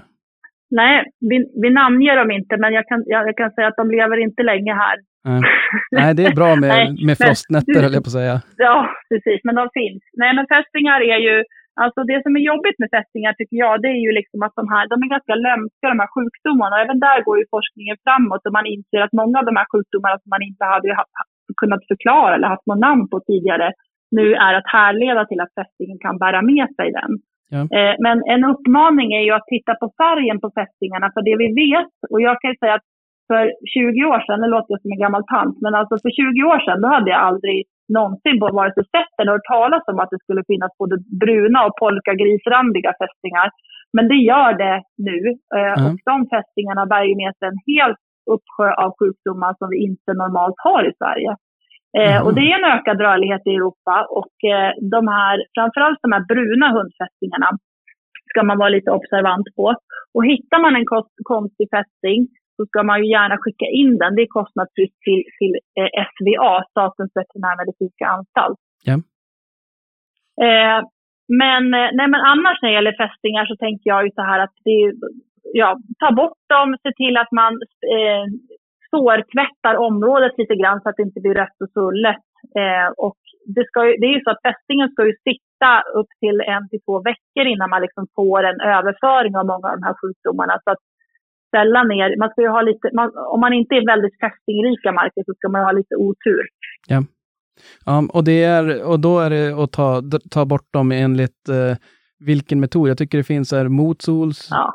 medsols. Du frå- och, vi, om du frågar mina kollegor så lovar jag att du får tre olika svar här. Men alltså, jag, jag, jag är en förkärlek av de här, såna här små, alltså antingen använda sina naglar eller en, en liten sån här snara som man tar runt fästingen och så vrider man. För det, då försvinner huvudet och allting. Ja. Eh, men eh, det, det, eh, det, och det är ingen panik om huvudet sitter kvar heller. Det kommer att lossna av sig själv. Ja. Ja, när det gäller fästingar tänker jag så här. Nyttja inte någon hokus pokus medicin utan använd de fästingpreparat som finns. De funkar jättebra. Eh, få biverkningar, supereffektiva, skyddar hunden mot sjukdom. ja. Ja, men det är härligt. Vi har, jag har inte heller så jättemycket fästingar där jag bor, eh, norr om Umeå, så att det, vi, Mm. fast det blir mer och mer faktiskt, att man kanske ska vara lite på sin Ja. vakt. Och just mot kusten till blir det också en hel del. Så att det, är ju, det är ju lite, men de kommer, de, de kommer komma för att stanna och det kommer bli vanligare och vanligare med fästingar Ja. eh, i våra trakter också. Ja, när man ser ju det när man, när man har, om man har fällt något, eh, något rådjur så brukar man ju kunna se dem. Mm. De är ju hårt ansatta många gånger. Ja, jo visst. Och det, får inte precis prata om eh, just i Sörmland där jag som sagt delvis är uppvuxen. Där var det ju, man såg plasar på de här stackars rådjuren och då kan det ju bli väldigt mycket. Ja, Då kan de ju bli sjuka av andra sätt också. Så, nej, fästingar. Jag tycker om alla djur, men jag kan inte säga att jag älskar fästingar. Det gör jag inte. nej, nej det, det är nog, det, du är nog inte ensam. heller. Nej, nej, just Nej. de två har väl kanske lite färre fans där ute, höll jag på att säga. Jag kan berätta en kort anekdot att jag faktiskt har besiktigat Alice Coopers boaorm. Det lever jag länge på.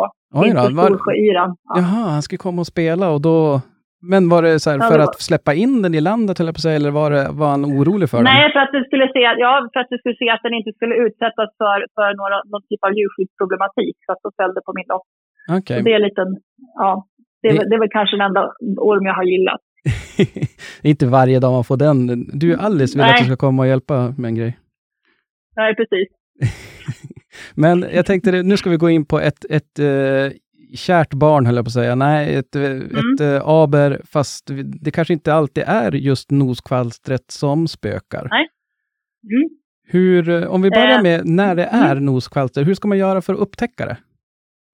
Nej, men alltså, eh, det här är också en av mina favoritfrågor. För att här ska man verkligen vara proaktiv, alltså förebygga mycket. Och eh, då kan jag säga att noskvalster, det är ju en liten parasit som man upptäckte på 80-talet. Fanns på då på ungefär 20 procent av alla hundar, oavsett om man var jakthund eller vad man är.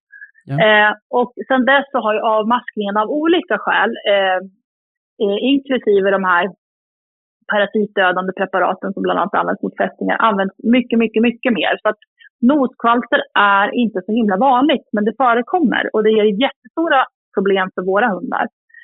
Eh, det finns eh, faktiskt receptfria preparat eh, och till exempel Milbemax som man kan använda för att få bort noskvalster själv inför säsongen. Och noskvalster är någonting som jag tänker så det är en parasit. Vi behandlar hunden innan säsongen. Vi skyller inte på det under säsongen. Mm. Då, då, då är mina hundar helt parasitfria. Eh, och, och sen finns det klassiska Interceptor Stronghold som man behöver ett veterinärrecept för. Men som sagt, om ni inte använder Milbemax så kan ni ju prata med veterinär och se till att få det utskrivet.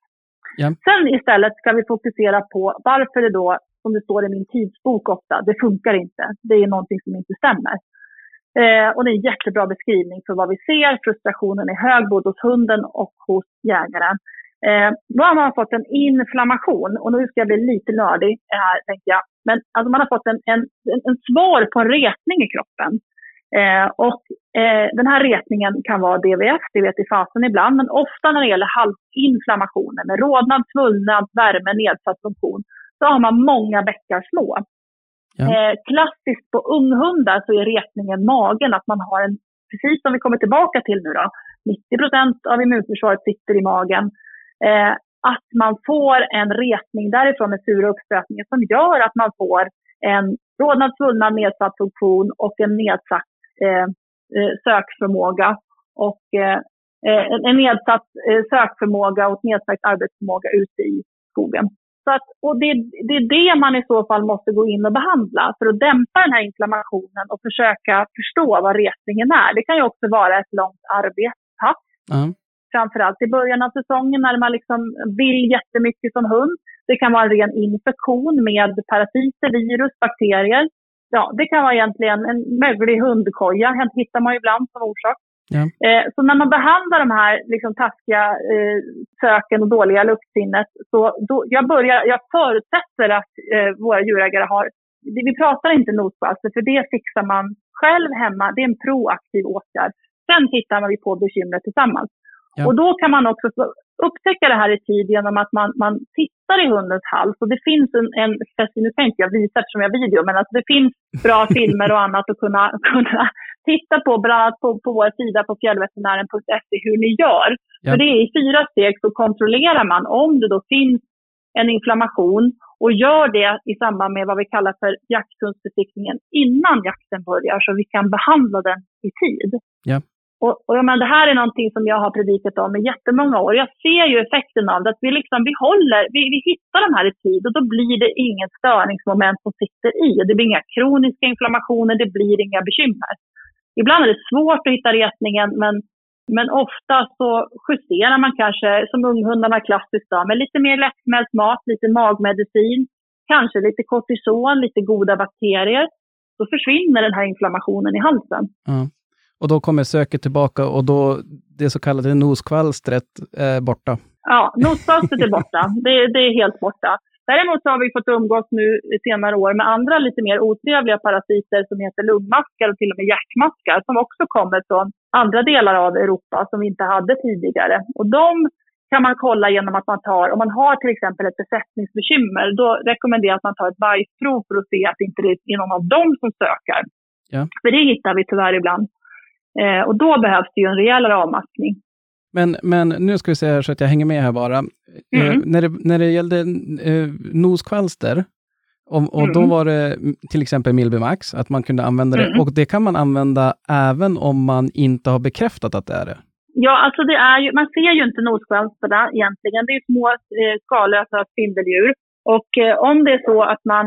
Eh, Milbemax är inte något farligt att avmaska hunden med. Det gör man ju, det gör man ju gärna så att säga. Och det kan ju, det kan ju ge en liten mag-tarmstörning i sig själv. Men det är absolut inget farligt.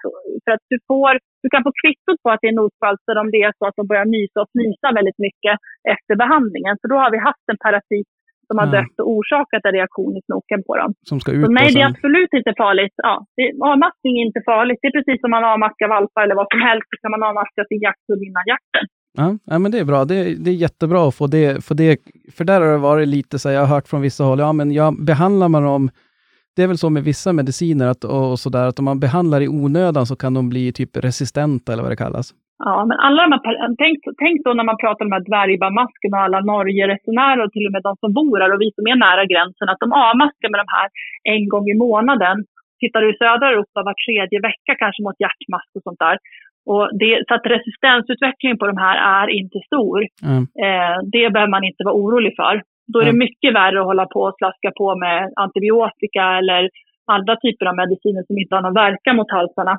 Ja, nej, men då är jag med. Och, och eh, om jag förstått saken rätt, gör man på det sättet då, då kan man direkt utesluta noskvalster. Att eh, blir det några retningar som påverkar söket, då vet man ju åtminstone att det bör inte vara det. Nej, men precis. Och då har ju, eh, då- eh, om, om man nu inte träffar hundar som har noskvalster igen, så att säga, Mm. eh, så, så är det ju helt okej. Och där kan man ju sätta ett litet varningens finger när man kommer då till jakten och man har inte sett folk på länge och det har varit covid-eländet och allting sånt. Så släpper man ihop hundarna. Eh, det är ungefär som en dagissmitta och det hittar vi varje år också.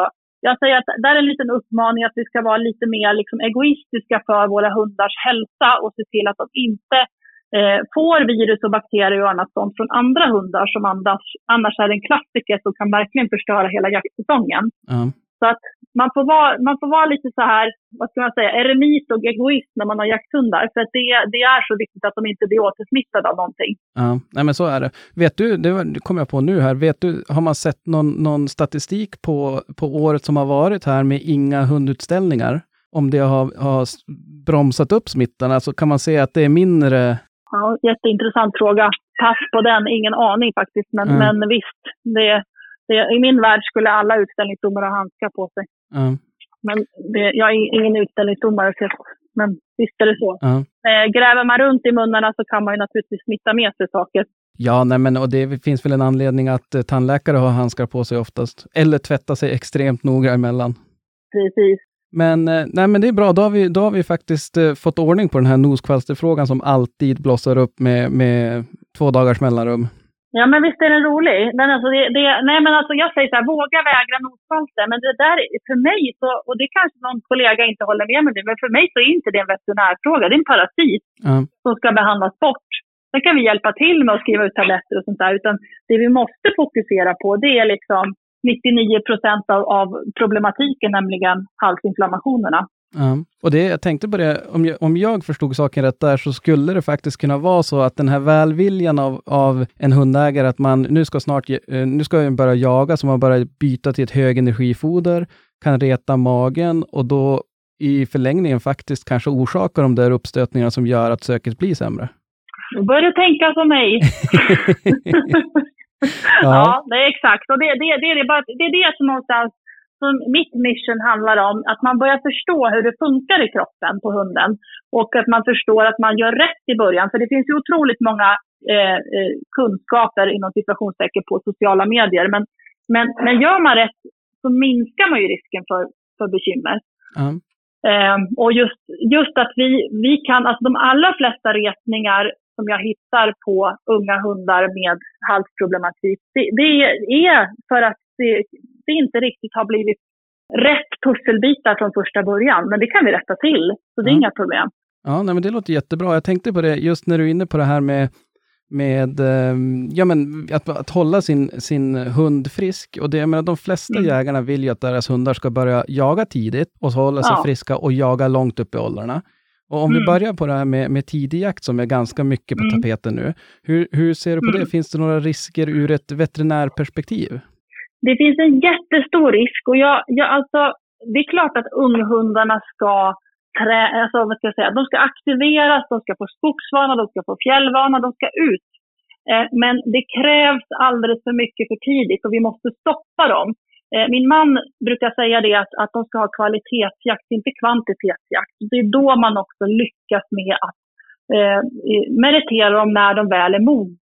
Ja. Men den här hetsen som finns, den är fullkomligt livsfarlig. Och grejen är, och nu kommer jag bli lite nördig igen, eh, i jakthundens kropp eh, så startas någonting som heter oxidativ stress. Och det, gör en, det har vi avlat fram hundar som vill göra en fysisk psykisk uppgift för oss. För att, alltså de vill jaga, de vill göra det här nästan till vilket pris som helst. Ja. Men baksidan av, modell, av medaljen, medaljen den, den är ganska diger. Och där har vi att det retar igång inflammationer. För det här stökar till det på cellnivå med felladdade molekyler att det i sig, bara genom att jaga, orsakar en retning som ger en inflammation, alltså svullnad, rodnad, smärta, nedsatt funktion eh, i de mest utsatta organen. Och då kommer vi tillbaka där till mag-tarmkanalen, till rörelseorganet och vi kommer till huden där mycket av immunförsvaret också sitter. Eh, Så att om man då drar igång dem för tidigt så får man också kallt räkna med att då tar man av det kapital man har och då får du en mycket mindre hållbar hund som, som faktiskt kommer att gå sönder. Så, så bäst är ju om man då skyndar långsamt och meriterar dem när det väl är tid att meritera dem, för då kommer det gå jättebra. Ja. En hund är ung upp till den är två, ett och ett halvt till två år. Det kan vi inte göra någonting åt. Men ta som exempel de här tidiga meriteringarna när de är, när de kör igång dem innan de är ett år.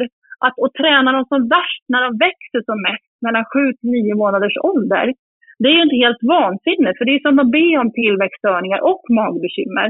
Jag träffar väldigt många hundar som, och, och djurägare som har gått i den här fällan och satt igång dem för tidigt, men då också funkar klockrent första året. Man har fått den där oslipade diamanten.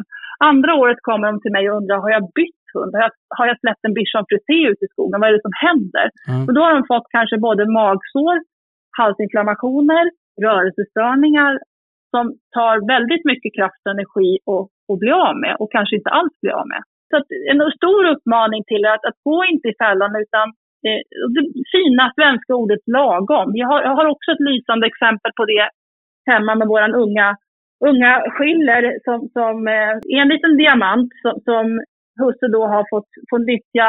Skulle hon få jaga så mycket som hon ville så hade hon jagat sönder sig fullständigt. Men nu är hon två och ett halvt år. Eh, och för att skryta lite, Absolut, det ska man göra. Ja, hon är inte bara jaktchampion utan hon är även Sveriges vinstrikaste skiller och unghundsskiller.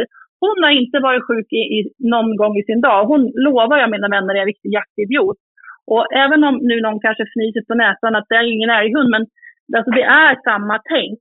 Att Ja. man, har, man, har man en ung hund som man förvaltar väl och inte har så förbannat bråttom, då kommer du få en hund som håller, som är roligt att jaga med.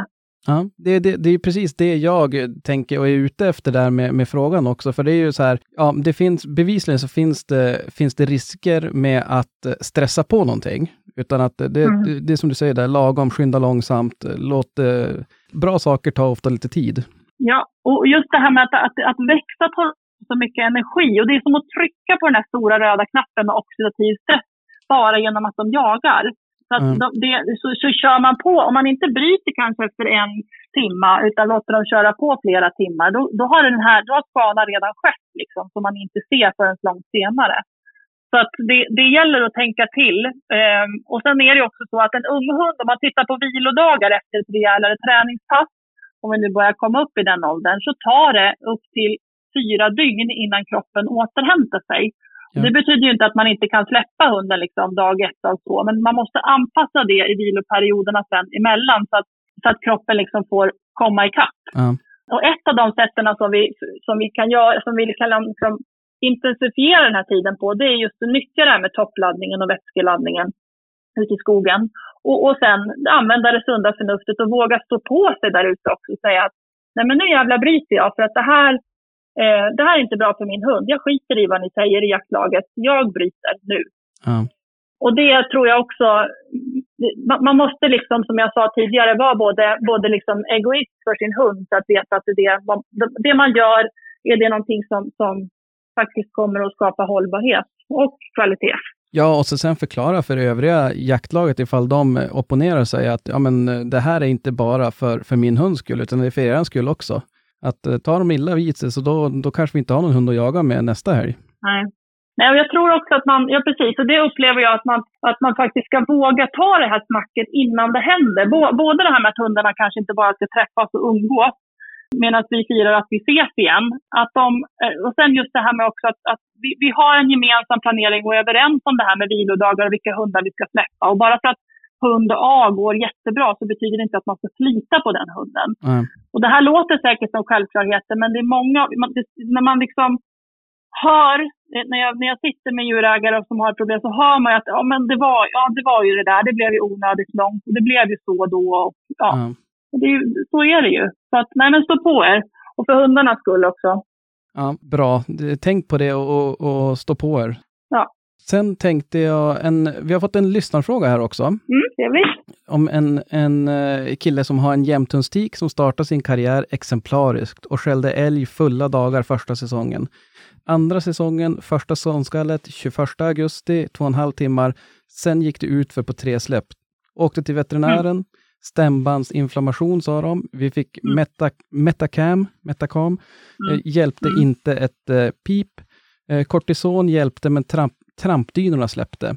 Tonsillerna Ja. opererades bort i slutet av säsongen, skällde hyfsat. Denna säsong som varit så skällde hon dåligt tills det blev snö och kallt. Då blev det mycket bättre tryck i henne. Ja. Och eh, var hos veterinären i våras. De sa att tonsillerna växt ut onormalt mycket. Så bort med dem igen. Nu hostar hon lite lätt under promenader. Eh, har du Ja. någon teori om varför hon kan skälla när det är kallt, men inte när det säger eh, fem plusgrader? Kan det vara något annat i halsen? Ja, nej, alltså, en jättebra fråga och det, speglar det vi har pratat om. Jag tror att det har gått upp en liten aha för den här lyssnaren redan. Ja, Men vi, för att vi- pratar om inflammationer, alltså kroppens svar på en resning. Det är det som är bekymret med rådmus, svullnad, nedsatt funktion. Eh, och eh, då är det frågan om vad retar igång där? Ja, jag sätter mina eh, pengar på att från början var det här en, precis en sån här klassisk unghund som jag berättar om. Ja. Som började briljera och sen blev det pannkaka. Som när den oxidativa stressen har blivit för stor och den största retningen är magen och magsaften som sprutar upp. Tonsillerna är ju en del av immunförsvaret. Det är alltså lymfknuten som sitter inuti halsen. Och ja, det, där kan jag verkligen betona att ja, eh, vi opererar bort tonsiller, absolut, men det måste göras av rätt anledning. För att ta bort tonsillerna och inte titta på grundproblemet, det är som att ta bort toppen på isberget. Eh, Och för den här hunden så tänker jag att, att tyvärr, och det här är en kunskapsbrist säger jag hos en del kollegor ute i landet, och där får ni stå på er. För nu vet ju ni hur viktig mag-tarmkanalen är. Eh, att eh, sätta in bara Metacam, som är en antiinflammatorisk medicin, det är ungefär som att äta citron när man har magsår. Att det blir bara värre och värre. Och eh, många gånger så, eh, jag, alltså det här med att bränna bort mer och mer tonsiller, varje gång så orsakar man ju retning på retning på retning. Jag hade sagt stopp, jag hade ta- kortison är en bra idé, ja, men jag hade satt in magmedicin, kanske receptfri Losec på den här hunden. Jag hade satt in probiotika, alltså goda bakterier för att skapa rätt flora i tarm och hals. Jag hade dundrat på med omega-3, fiskolja, som är antioxidativ, alltså som motverkar den här oxidativa stressen. Och jag hade i samråd med min veterinär eh, hade jag satt in eh, kortison, antiinflammatorisk medicin, absolut ingenting annat. Och tittat lite grann på den här retningen, om det bara är magen eller om det är flera veckor små. Det här är ett jättebra exempel och ett fall på hur fel det kan bli. Liksom. Och det, man fattar ju ingenting där andra hösten, men jag förstår att det blir så. Och när det blir kallt ute så verkar kyla direkt avsvällande. Det funkar alltid bättre framåt Ah. oktober, november. Så att den är, det är alltså en, det är inflammationen vi har att bråka med. Och om ni sitter där ute och tycker att ni har en, en veterinär som inte förstår er, så be, eh, mejla till oss eller be den veterinären att höra av sig så vi kan liksom hjälpa till. För det här är en kunskap som så småningom håller på att bli bättre. Ja. Men, men bara ni har, liksom, har en hund som, jag tänker om jag backar bandet för den här djurägaren, man har liksom i början av säsong två, fan det funkar inte. Losec, Omeprazol receptfritt, probiotika receptfritt, fiskolja receptfritt, kanske där köra med en extrem eh, lättsmält mag-tarmdiet. Då tror jag att problemet ger med sig för många. Ja. Så att, eh, det, det, det är ett bra exempel på det vi har pratat om och hur viktigt det är att förvalta våra unghundar. Inte säkert att du har gjort något fel, eh, kära lyssnare, om och inte, alltså haft för hård jakt i början. Men, men det som har hänt är att den här oxidativa stressen har tagit överhand Ja. och skadat ma- mage och hals. Så inga, du får inte göra några mer tonsilloperationer, eh, säger jag, innan du i så fall har hört av dig till mig så att jag kan hjälpa till. Ja. Ja, nej men absolut. Jag tycker det var ju ett bra, och jag kände också när, när jag läste frågan här, jag har ju läst den några Mm. gånger, men när jag läste den nu så tänkte Ja. jag, det var som att eh, kronan hade trillat, ner lite grann hos mig också. Ja, men alltså, visst, det, det, är en, det är en värld man kliver in i när man börjar titta på sina hundar på ett nytt sätt. Och det, det här är det, är det som är så häftigt, hur mycket mer vi kan göra och om vi förstår vad som händer i hundens kropp innan det händer. Ja, ja det, och jag hade faktiskt en, en till fråga som, som rör lite grann det här med, med Mm. jakttiderna som vi var inne på. Att det har blivit förändringar Mm. där. Det har ju blivit lite förändringar för, för eh, oss älgjägare också. Mm. Och att eh, nu i norra Sverige så får man ju släppa från första september. Det, det skiljer inte Mm. jättemånga dagar mot tidigare. Men vi vet att Nej. det kan vara väldigt varmt i början av september. Och hundar kan ju gå varma. Vad är det som, Ja. vad är som händer då med dem? Är det den här stress, samma stress som hos unghunden eller?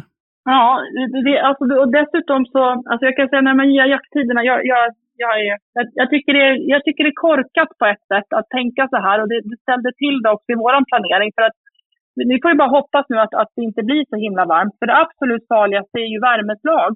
Ja. Och eh, många gånger är det kopplat till om att man har en för dålig vätskebalans i kroppen. Men också att det fysiskt liksom är varmt och de är jätteivriga och ni är jätteivriga. Så det man får göra, som jag själv tänker, om det blir för varmt, det är ju att avstå. Det är skitjobbigt. Men Mm. alltså, eh, tänk på hunden och tänk på hur kul ni ska ha hela hösten om det blir för varmt ute. Ja. Eh, Och är ni så att ni släpper, kör kvalitetssläpp med vilodagar emellan. För att de kommer, det tar säkert fyra dygn innan de återhämtar sig. Och eh, jag tar er i örat om ni inte använder vätskeersättning. För då kommer ni sluta hos, hos mig- eller någon annan veterinär på dropp med hunden. Ja. Och det är en kronisk skada som man absolut, alltså att man får en vätske, alltså en överhettning på hunden som, som gör att de aldrig mer kommer kunna jaga i, i varmt väder. Den är verkligen livsfarlig. Okej, så att eh, går de, går de varma då är, det, då är det kört sen höll jag på att säga. Då, ja, då ändras termostaten upp i skallen. Då kommer de alltid gå varma. Och det, är, det är, jag har många, eller inte många, men alltså jag har exempel på det som jätteduktiga hundar som man bara har tagit slut på soppa. Liksom. Ja. Och då, då pratar vi ju, alltså, har man en hund som börjar vingla ute i fält eller kännas varm, eh, då är det till att avbryta omedelbums. Få i vätskeersättning, vatten, kyla hunden med en handduk, kyla tassarna, kyla nosen och vila hunden länge. Ja. Eh, de som bara har varit och tuschat mot värmeslag, de behöver ofta en till två veckors vila för att liksom fixa det igen. Så att varför riskera, tänker jag, när man, det är klart, men, och kör ni släpp så, så se för guds skull till att ni inte sliter ut era hundar i början. Nej. Och där, där vill jag skicka med också lite grann att just eh, tänk på att det, det kan vara ganska svalt på morgonen vid, vid femtiden när man samlas. Och, eh, vi vet ju alla hur våra hundar är om de hittar en älg som då kanske springer en bit och att vi inte kanske kan, kan ropa av dem från det där förrän det är betydligt varmare. Så kolla lite grann hur, hur eh, prognosen ser ut för resten av dagen. Det kan vara kallt på morgonen och snabbt blir det varmt när solen kommer upp. Nej, och jag, det, det är precis som med, det, det, alltså problemet är att du har ingen aning om vad hunden har för plan på att köra, hur länge man ska Nej. vara ute. Och, och som sagt, gå inte i fällan nu och tänk, tänk att hunden hittar vatten i skogen, för det, då är det för sent. Liksom. Ja. Utan där måste ni ta med vätskeersättning ut och, och på något sätt ha möjlighet att begränsa hundens arbete, hur svårt det än kan vara. Ja, ja det, vi, det är jättebra tips och ta, tänk på det alla ni som lyssnar och ska ha tänkt att jaga med era hundar. Vad är den vanligaste orsaken att man besöker er? Generellt, Ja. det brukar stå det fun- det, i min bok brukar stå det funkar inte. Det tycker jag är en jättebra beskrivning. Ja, Man den, pratar om livet, och så är lite Dr. Phil. ja, men alltså, det, det, beror på, det beror på tiden på säsongen. I, i början, jag kan säga att inför, inför eh, nu både juli och augusti, och jag kör ju så här jakthundsbesiktningar, eh, där man kollar igenom hälsan och ser liksom, hittar man saker och ting så man kan justera det innan, innan jakten. Ja. Eh, då är det ganska mycket fokus just på, på hals och, och eh, mage på många hundar så att man liksom får ordning på de pusselbitarna. Sen när det så- alltså, sätter igång så har man ju en del, eh, framförallt i början när det har varit varmt, en del muskelakuta hälsor och muskelskador som inte är några roliga. Och tyvärr då några enstaka värme, värmeslag. Eh, sen kommer pinnarna eh, som sätter sig, stakningsskador, springer fort in i saker och ting naturligtvis, och sårskador Ja. som, är, eh, som vi tittar på. Då. Så att jag, jag brukar säga så till, till folk att jag vill inte träffa dem under hösten. Nu, Jag tänkte att ska ni vara ute och jaga, men, men det är jätte, alltså vi har mest, mest, ju mer proaktiva ni är, mer förebyggande ni gör, desto mindre, det kommer bli billigare med mindre veterinärbesök och mycket Ja. roligare jakt. Jag tänkte på det, just de här två första som du i början av säsongen, det är ju faktiskt ganska mycket eh, Husse och Mattes eh, ansvar också att, att inte släppa om det är för varmt, så att vi värmeproblematiken inte dyker upp. Och likadant med, med jag tänker just hälter och muskelproblematik. Det, det kan man väl motverka en hel del genom hur man har förberett hunden och sig själv. Ja visst, och, och liksom lä- läsa av hunden, läsa av vädret och vara ärlig. Jag sätter ner i ensamhet och tänker så här, är det här liksom, vad är det jag, jag- brukar säga att man ska vara lite paranoid. Vad är det som kan hända med min hund? Vad är det jag ska försöka förebygga på något sätt? Ja. Eh, det kanske är en galen ung hund som jag vet liksom, nu blir det racerbilen. Ja, men då, då har jag givit den en, en trygg utfodring, jag har tränat den varierat, den har kondition. Men jag kanske också väljer att boosta den, att ge lite goda bakterier, såna här probiotika och fiskolja innan släppen. Och sen ha stenkoll på riskorganen, eh, mage på hundarna, rörelse, alltså unga hundar på rörelseorganet. Eh, är det en äldre hund som, som har erfarenheter men kanske inte kroppen, ja då måste jag ju eh, förstå att den behöver lite längre vila emellan och kanske vara vara, eh, duktig på att värma upp dem och värma ur dem och lite massage och stretching och sådär. För att de ska hålla. Ja. Så att eh, man, får, man får sätta sig där, precis. Alltså det, det är det här som är så jobbigt. Alltså det, är ju, det vilar så mycket på oss, men det, det, någonstans är ju belöningen är ju hunden i skogen. Liksom. Ja. Eh, men det är inte lätt att vara jakthundsägare, utan det, det är mycket, man, man behöver tänka till ordentligt innan. För blundar man och släpper, då kommer det en massa skit som är helt onödigt. Ja. ja, nej men så är det. Vad är det vanligaste felet som, om du fick, jag, jag misstänker att jag, jag vet svaret, men om du fick, fick en grej du fick eh, se till så det här, gör inte det här felet. Vad är, det- vad är det vanligaste du- fel du ser folk göra med sina älghundar kan vi ta? Ja, men alltså, jag vill först säga att de flesta är väldigt duktiga, men jag skulle säga så här, att förstå hur mycket vätska det går åt och eh, driv inte på era unghundar för tidigt. Läs av temperaturen, det finns ju tre stycken. Och, och, och förstå vad ni har för roll i det hela för att förebygga problem. Ja. Så att man sätter sig ner och tittar på de här fyra pusselbitarna. Liksom. Men är det någonting som jag alltid jämt propagerar för så är det ju vätska, vätska och vätska. Och, och unghundarnas tidiga släpp. Ja, alltså Anna, jag tror, att, jag tror att jag skulle kunna sitta och prata hur länge som helst med dig. Men jag vet att du är Ja. väldigt upptagen som vi, som vi började med här när vi surrade. Och jag tänkte det att om man, är, om man som, som mig nu är väldigt eh, nyfiken på att veta mer, då har ju du som, som du sa där, du har ju skrivit en, en bok, Hela jakthunden. Precis, då kan man, eh, och det här, det här är ju en liten uppslagsbok för, för, som handlar om allt det här. Allt ifrån hundpussel till akutvård. Vad står jag där? Om jag får en magavridning, kramper, ormbett som vi har pratat om. Vad fan ska jag göra? Ursäkta för. Men den, eh, den finns ju som, som både e-bok och läsbok och vanlig bok på e-bokhandlarna ute Ja. på nätet. Så den tycker jag att ni ska eh, ta till er och läsa på nu innan och sen kunna slå i om det händer någonting. Ja. Och sen får man ju jämt gärna ställa frågor också, både genom vår hemsida eller om man känner sig lite modig så kan man skriva till Jaktjournalen om man så önskar. Så svarar jag på frågor som är allmängiltiga där. Ja. Eh, en sak jag kan säga genom alla år, att alla, alla vi jakthundsägare tror att vi är så himla unika med våra frågor och vågar knappt ställa dem, ungefär som de frågor jag har hört nu här. Då kan jag säga så här, ni är absolut inte unika. Vi, vi funderar alla på samma sak. Ja. Och det är det som är så, vi kan hjälpas åt för att få en friskare hund som orkar mer. Och det är det som är så himla häftigt. Ja, och så, eh, framförallt också, frågar man inte så får man ju aldrig veta. Nej, och det finns absolut inga dumma frågor. Ni har ju ställt jättebra frågor och som sagt, fortsätt med det. Eh, tänk till innan och var lite besvärliga mot mina kollegor där ute också, för ni kan mycket mer än vad ni tror. Ja. Vi har speciella hundar som kräver speciella åtgärder. Det, det är min absoluta eh, uppfattning. Eh, och som sagt, ju mer pålästa ni är, desto mer kommer de att tvingas lära sig om det här också. Så att var lite wild and crazy nu och säg emot din veterinär. Nu kommer jag få mejl. ja, det finns, det finns en möjlighet till det. Så att, eh, Ja, nej, men det, jag tycker det har varit väldigt, väldigt intressant och jag, jag, kommer säkert, eh, jag kommer säkert höra av mig med frågor fler gånger. Och som sagt, köp, köp boken Hela jakthunden. Finns det böcker finns, kan man väl säga. Ja, Eh, Så det, den kan jag varmt, eh, varmt rekommendera och eh, så får jag helt enkelt eh, tacka så hemskt mycket att vi fick ringa och störa dig. Ja, men tack själva. Det är alltid roligt att få prata om sitt favoritämne. Och så är ni, nu, nu ser ni till att är rädda om er och, och eh, som sagt, läs på och eh, ha en riktig skitjakt på er. Ja men tack detsamma, sköt om dig. Ja, detsamma. Tack, tack. Tack, tack, hej. Hej då.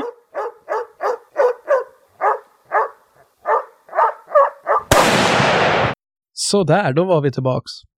Yes. Vad säger ni? Ja, det lyckas igen. Ja.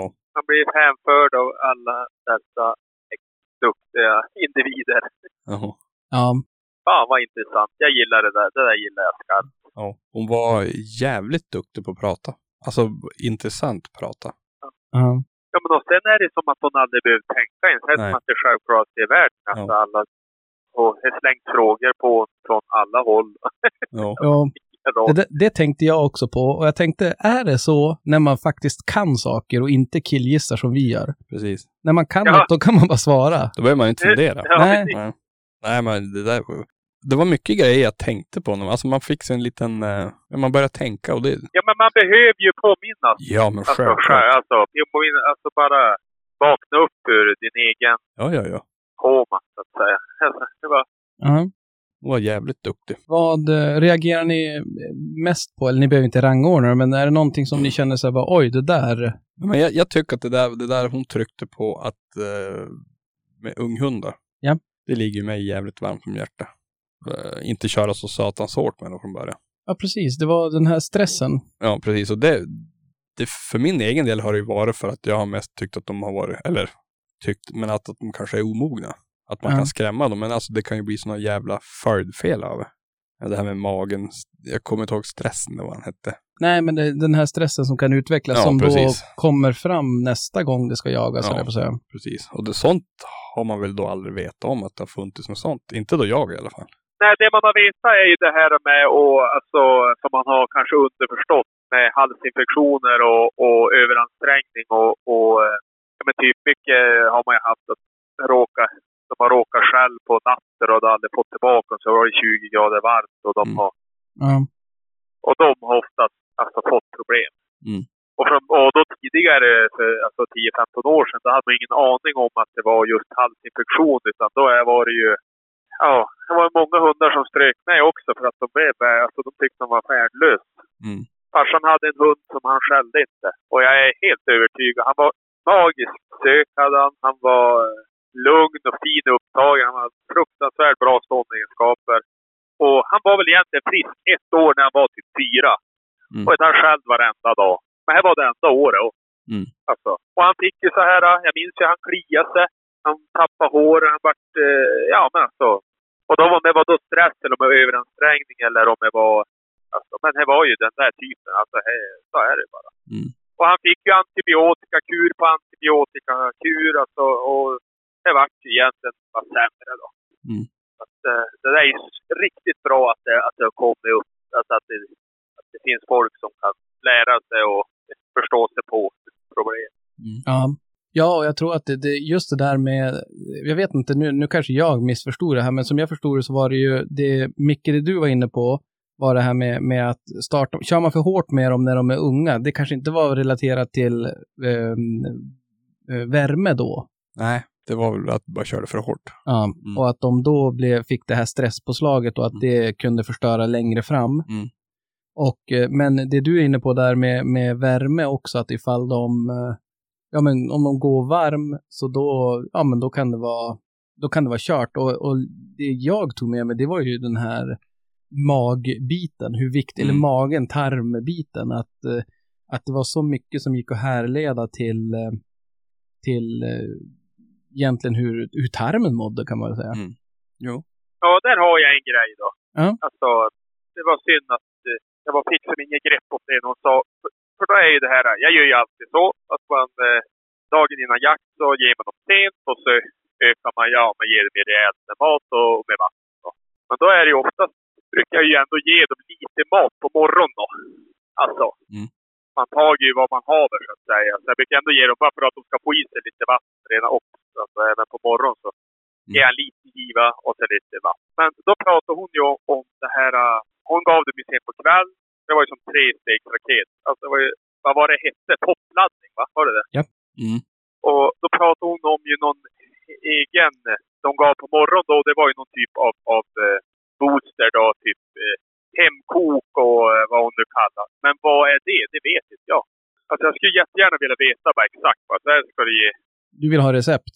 Ja, men recept eller alltså veta bara vad ska man ge. Det var ju någon, vissa kedjor i kolhydratkedjan hon ville ha långsamma, ja vad är det nu var, kolhydrater eller om jag Nu, nu ska vi se, jag, jag lyssnade igenom det här en gång till här i, i Ja, det gjorde jag med innan. och ändå hä- hänger jag inte riktigt med. Men, men eh, det jag, som jag vill minnas det så var det ju att vi människor, vi, vi eh, kolhydratladdar ju makaroner och pasta och sådana saker. Ja, nej precis. Man det gör ju- inte ge dem det. Nej, det gör ju inte hundar, utan de efterladdar med kolhydrater. Det gör man efter de Ja. har gjort jobbet så att säga. Mm. Men ja, men annars, precis. Men man ska ju ändå boosta dem någonting innan på morgonen. precis, och att det, var, att det var viktigt att det var så här lättsmält. Mm. Och att det kunde vara hemkokt, köpta produkter och, och vice versa. Mm. Och, och jag tänker faktiskt där att Jo, vi, men vad för någonting? Ja, Alltså, det- är en jättebra fråga och jag tänker att det där ska vi ta och prata lite grann med, med våran kära huvudsponsor Pondus om. Mm. Och höra om de har någonting att tipsa om där. Mm. Om det finns någonting att köpa eller och även kolla då såklart för de som vill, vill göra något hemkok. Nej, men precis. Då har jag ett litet tips som jag brukar göra. Ja. Jag, jag, malde, eller jag mal alltid typ älglever. Ja. Jaha. Eh, och så gör jag små bollar av det där. Och, och frys ner då i bara gladpack. Som jag gör som, det ser ut som, Köttbullar. ja typ, fast något större. Och så ner i vatten så det blir smak på det, så dricker de det. Ja. Eh, det funkar för jag. Ja. Jag tror det är bra. Ja, jag tror också. Och det där är någonting som, som eh, jag vet inte, jag blev väldigt så här eh, fascinerad av det och just det här med att man, eh, vi har ju pratat mycket om träning och vi har pratat mycket om, om eh, foder och mat och så. Mm. Och just att kombinera dem och alltid så här, för man hör alltid, ja men jag tycker man hör både och. Och just det där Mm. man har hört både och, då gäller det att hitta någon, det är fortfarande folk som säger både och, till exempel, ta det här med noskvalster. Det är vissa som säger att man ska inte behandla om man inte är helt hundra. Och det gillar ju jag till exempel nu när, när Anna säger det, att ja, men vet du vad? Eh, noskvalster, det, ska, det är en icke-fråga. Mm. Utan det, det är som avmaskning, alltså det, det ska man bara göra. Ja, de ska vara parasit, parasitfri helt enkelt. Och då- Precis. Så att om Ja. de då fortfarande har problem med sök eller någonting, ja men då kan man börja Precis. forska i vad det egentligen är. Mm. För, för Ja. eh, noskvalster, det är en icke-fråga, så det är bara att, att ta bort den frågan direkt. Precis. Eh, och det, sånt gillar jag när, när det blir så här, bara, men när någon säger bara, men så här tror jag, eller så här säger forskning som jag har läst, och så sen får man, har man då förtroende för den personen, vilket jag måste säga att jag har jättestort förtroende för Anna, Ja. då blir det som att man bara, ja men fasen var bra, då ska jag köra på det. Men det, det tyckte jag också att där, hon är jävligt rak. Alltså, Ja, raka puckar och det, det, det gillar jag. ja det, det, jag, ja, nej, jag uppskattar det. Jag Ja. var, var väldigt, eh, vi behöver inte sitta och berätta vad hon har sagt Nej. där, då, ni har ju just hört det. Precis, men eh, jag tycker ändå om det här att hon säger att ställ motfrågor, var, var hård mot din veterinär. Jag menar, det Ja. är man ju inte, för man känns ju som lite grann i, Ja, man står ju där med mössan i ja handen. precis, i, i lite Ja, men det är på grund av okunskap. Ja. Ja, Har man då en sån här grej i ryggen att hon har sagt det här, alltså man kan ju ha, då kan man i alla fall ha någon typ av argument. Alltså, Ja. Då kan man fall låtsas någonting. Jo, jo. Ja.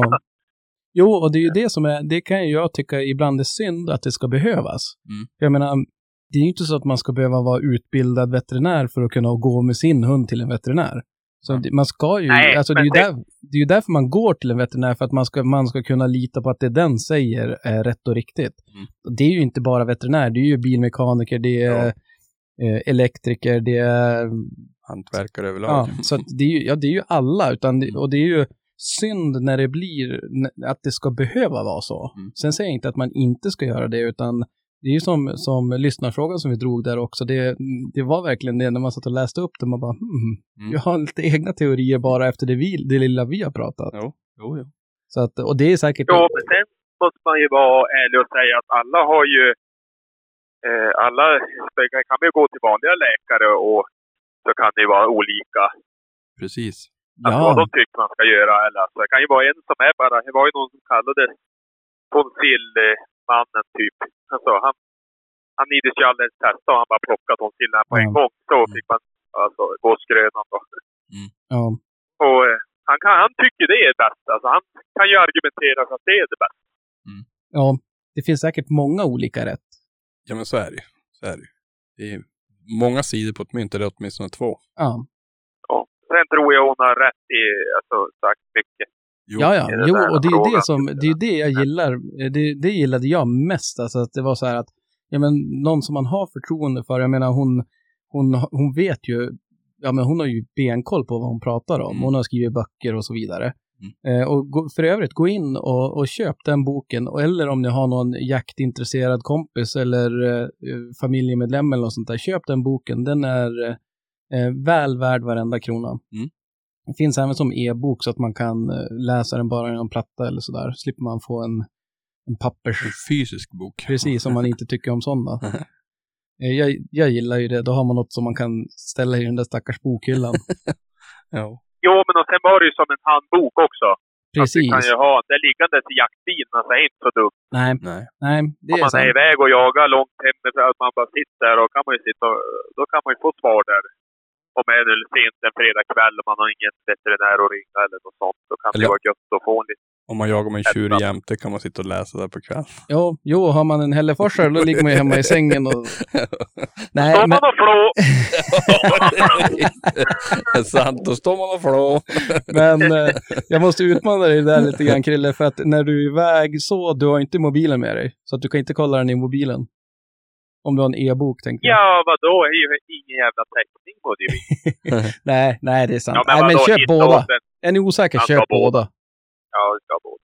Så att, eh, nej, men jag, det måste jag säga. Det, och, och som sagt, eh, henne är ju verkligen en sån person som jag känner att vi har all anledning att återkomma till. Nu passerar hon ju faktiskt kanske. Kanske man skulle svänga in och säga hej. Ja. Du får, ja, men på vägen tillbaka, sväng förbi och, vill, och gör en sån här jakthundsbesiktning. Direkt. Ja, på bara lillvalpen. åtta veckor och två dagar. Vad tror du? är det något att släppa till hösten? Ja, Ja, Var det inte hon som sprang kapp folk som var ute och cyklade på sommaren? ja, Då lär de väl klubba ner mig med någon hammare om jag säger det. ja, jo, det... Nej, men det, det var mycket som var matnyttigt och intressant där. Och Mm. eh, är det så att ni har, hon sa ju det också, har ni frågor, funderingar så kontakta henne på, Ja, på fjällveterinärerna där. Det kommer vara en länk också i, i vår Facebookgrupp. Mm. Och eh, har ni frågor så, så ställ dem där. Ja, men vad säger ni? Ska vi, ska vi ta och släppa Anna för nu? Mm.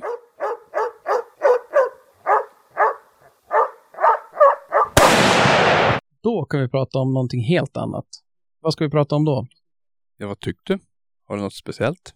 Ja, men som ni, ni som följer oss på Instagram, Älgjägare emellan, har ju sett att sommartävlingen är ju igång nu. Mm. Och det har ju varit ett, ett helt gäng som har, de tjuvstartat lite grann kan man säga.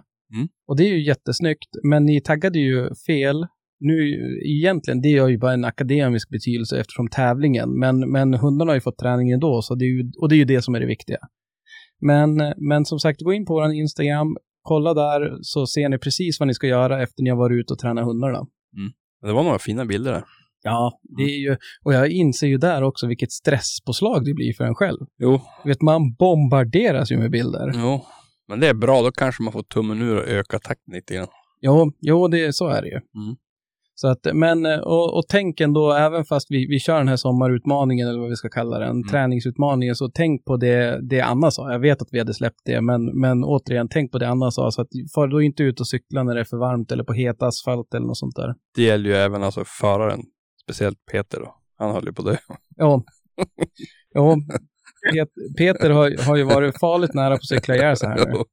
Jo, vi måste ta skicka något meddelande att han får lugna ner sig så att så inte vi ställer till med någonting. Eller också kanske ska skicka en ny cykel, för jag tror fan han har nött ut den han har snart. Så kan det vara. Ja, vi kanske måste köpa en ny cykel åt honom. En elcykel. Det blir nästa utmaning, att vi får starta en, en, en, eh, Insamling. jo. Nej, roliga, roliga filmer vi får. ja, ja, han är duktig. Mm. är nästan i Krille-nivå ju. Vet du vad jag gjorde igår? Nej. Då, eh, jag var ju ute efter att vara här och grejsa och så kanske efter två, tre kilometer, två kilometer såg jag att alltså, det är för varmt. Så då snodde, då vände jag hem faktiskt. Ja. Ja. Nej, men det, det är riktigt bra. Ja, nej, men jag gjorde det. Jag såg, jag kände att fan också, det var för varmt. Jag tyckte att svara av lite grann, men alltså det var, det var för. Så ikväll blir det då bara promenad med kedjor. Ja. Mm. Jo, men vet ni vad jag har gjort? Nej. Eh, nu är vi ju live med eh, våra, vi har ju fått lite frågor, eller faktiskt ett helt gäng, om eh, de här t-shirtarna. Älgjägare mellan tröjorna som vi har. Som vi lottade ut där i någon, eh, det var också en tävling. Mm. Och eh, nu finns de faktiskt så att man kan beställa en ifall man vill ha en. Mm. Och på så vis också stötta oss lite grann. Precis. Eller stödja, stötta eller stödja. Ja, något utav, jag vet Mm. inte, både och kan vi kalla det. Mm. Och eh, det man ska göra då för att kunna köpa en sån, det är att gå in på älgjägareemellan.se. Mm. Där finns det då så att man kan, eh, man kan välja på hela två sorter. Ja. En svart och en vit. Precis. Så att, eh, och ja, gå in där och så sen, det jag måste berätta också, vi, vi funderar ju på det där. Ska vi verkligen ha, ska vi verkligen ha tröjor, alltså behöver någon det egentligen? Mm. Och så, så kanske det mycket väl var. Och det är säkert så att det kanske inte är någon som vill köpa en heller. Det, det återstår ju att se. Mm. Men vi satte åtminstone tre olika prisnivåer. Mm. Så att eh, den som köper en tröja väljer själv hur mycket den ska betala för den. Lite grann beroende på hur mycket den kommer använda den. Mm.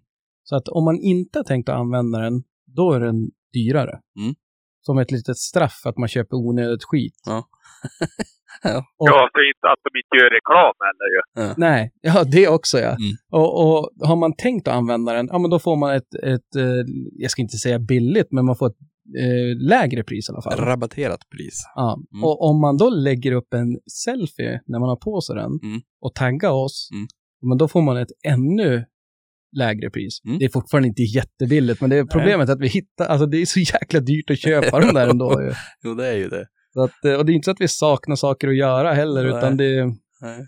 för vi vill inte att det ska vara något skräp t som man inte vill använda, utan det ska, Nej. vara, det, ska vara, Det ska funka. Ja, det ska vara bra kvalitet och det ska hålla många tvättar. precis. Så att, eh, men eh, så är ni intresserade så gå in på älgjägare emellan och det är faktiskt med ä. Alltså det är inte så här aljagar, utan det är precis som det stavas på riktigt.se. Mm. Så och, och, och kolla in en, en tisha där ifall ni vill. Är det mellanslag? Allt är uppskrivet. Alltihop Skrivet.se. Jajamensan. Mm. Men nog om det. Vad mer ska vi säga? Ska vi dela ut en guldälg idag eller? Så var det. Och där är det, och nu får jag ju skämmas. Det, det var ju Anna som skulle få den äran att dela ut en guldälg. Mm. Men föga förvånande så glömde ju jag att ta upp det. Mm. Men jag tänkte det att för att gottgöra mig själv för att missat det, Mm. så tänker jag att jag kan ta på mig och dela ut den. Shoot. Och eh, som ni hörde så har Anna aldrig skjutit en älg. Nej. Så därför tänker jag att då kan hon få en guldälg av oss för allt enormt eh, uppskattade arbete hon gör med alla älghundar som hon träffar. Det var, det var en bra motivering. Visst var det? Mm. Jag är ganska nöjd. Jag kom på det nu. Nej. Nej, men det var bra. Hon är Ja. väl, väl värd den faktiskt. Det var jävligt intressant. Ja, nej men det, det tycker jag med faktiskt, om man får säga så. Ja, ja. Det får du. Ja men du, perfekt. Vad säger du då Krille? Det enda jag tänkte nu är att nu ska jag träna enda. Ja, Jag ångrar mig faktiskt. Jag är på väg ner till båten nu. Jag fick... Eh, du vart ivrig. ja, jag tänkte jag kan inte hålla på så här. Nej, det är någon ordning får det vara. Nej. Ja, Ja, är du är duktig. det blir Holmen nu och lite simning. Mm. Ja, är du, är, du är duktig. Men... eh, jo, men det är du ju. Och det är bra, de behövde de där eh, gula. Jo, men du, vi har ju kanske tjatat om det tidigare, men följ oss gärna på Instagram och, och Mm. gå med i vår Facebookgrupp där. Mm. Vi, vi redovisade inte riktigt något svar på fredagsfrågan, tror jag. Nej. Men vi kan väl säga som så att eh, det var glädjande att se att de absolut mest valda alternativen var att det var vaccinering och HD-röntgen. Mm. Så att, och det är ju faktiskt, det är ju värmande att se att det är de anledningarna som de flesta be, besökte sin veterinär senast på. Om. Mm. Det är ju faktiskt eh, positiva grejer. Precis. Men, och är ni nyfikna så gå in och kolla lite grann där. Ni kan ju se, ni kan ju se precis eh, svaren själva. Mm. Att, eh, och med det sagt så tar vi lite halve koa. Det tycker jag vi gör. Ha det gott! Hej då! Ha det gött. Jag hörde hund som skällde gäst Rune Smugfoss, det var väst Och jag stod kvar på post på Säterbrua Han svor och grumta som en gris Det var för mycket busk och ris det enda som han såg var halve kua, halve kua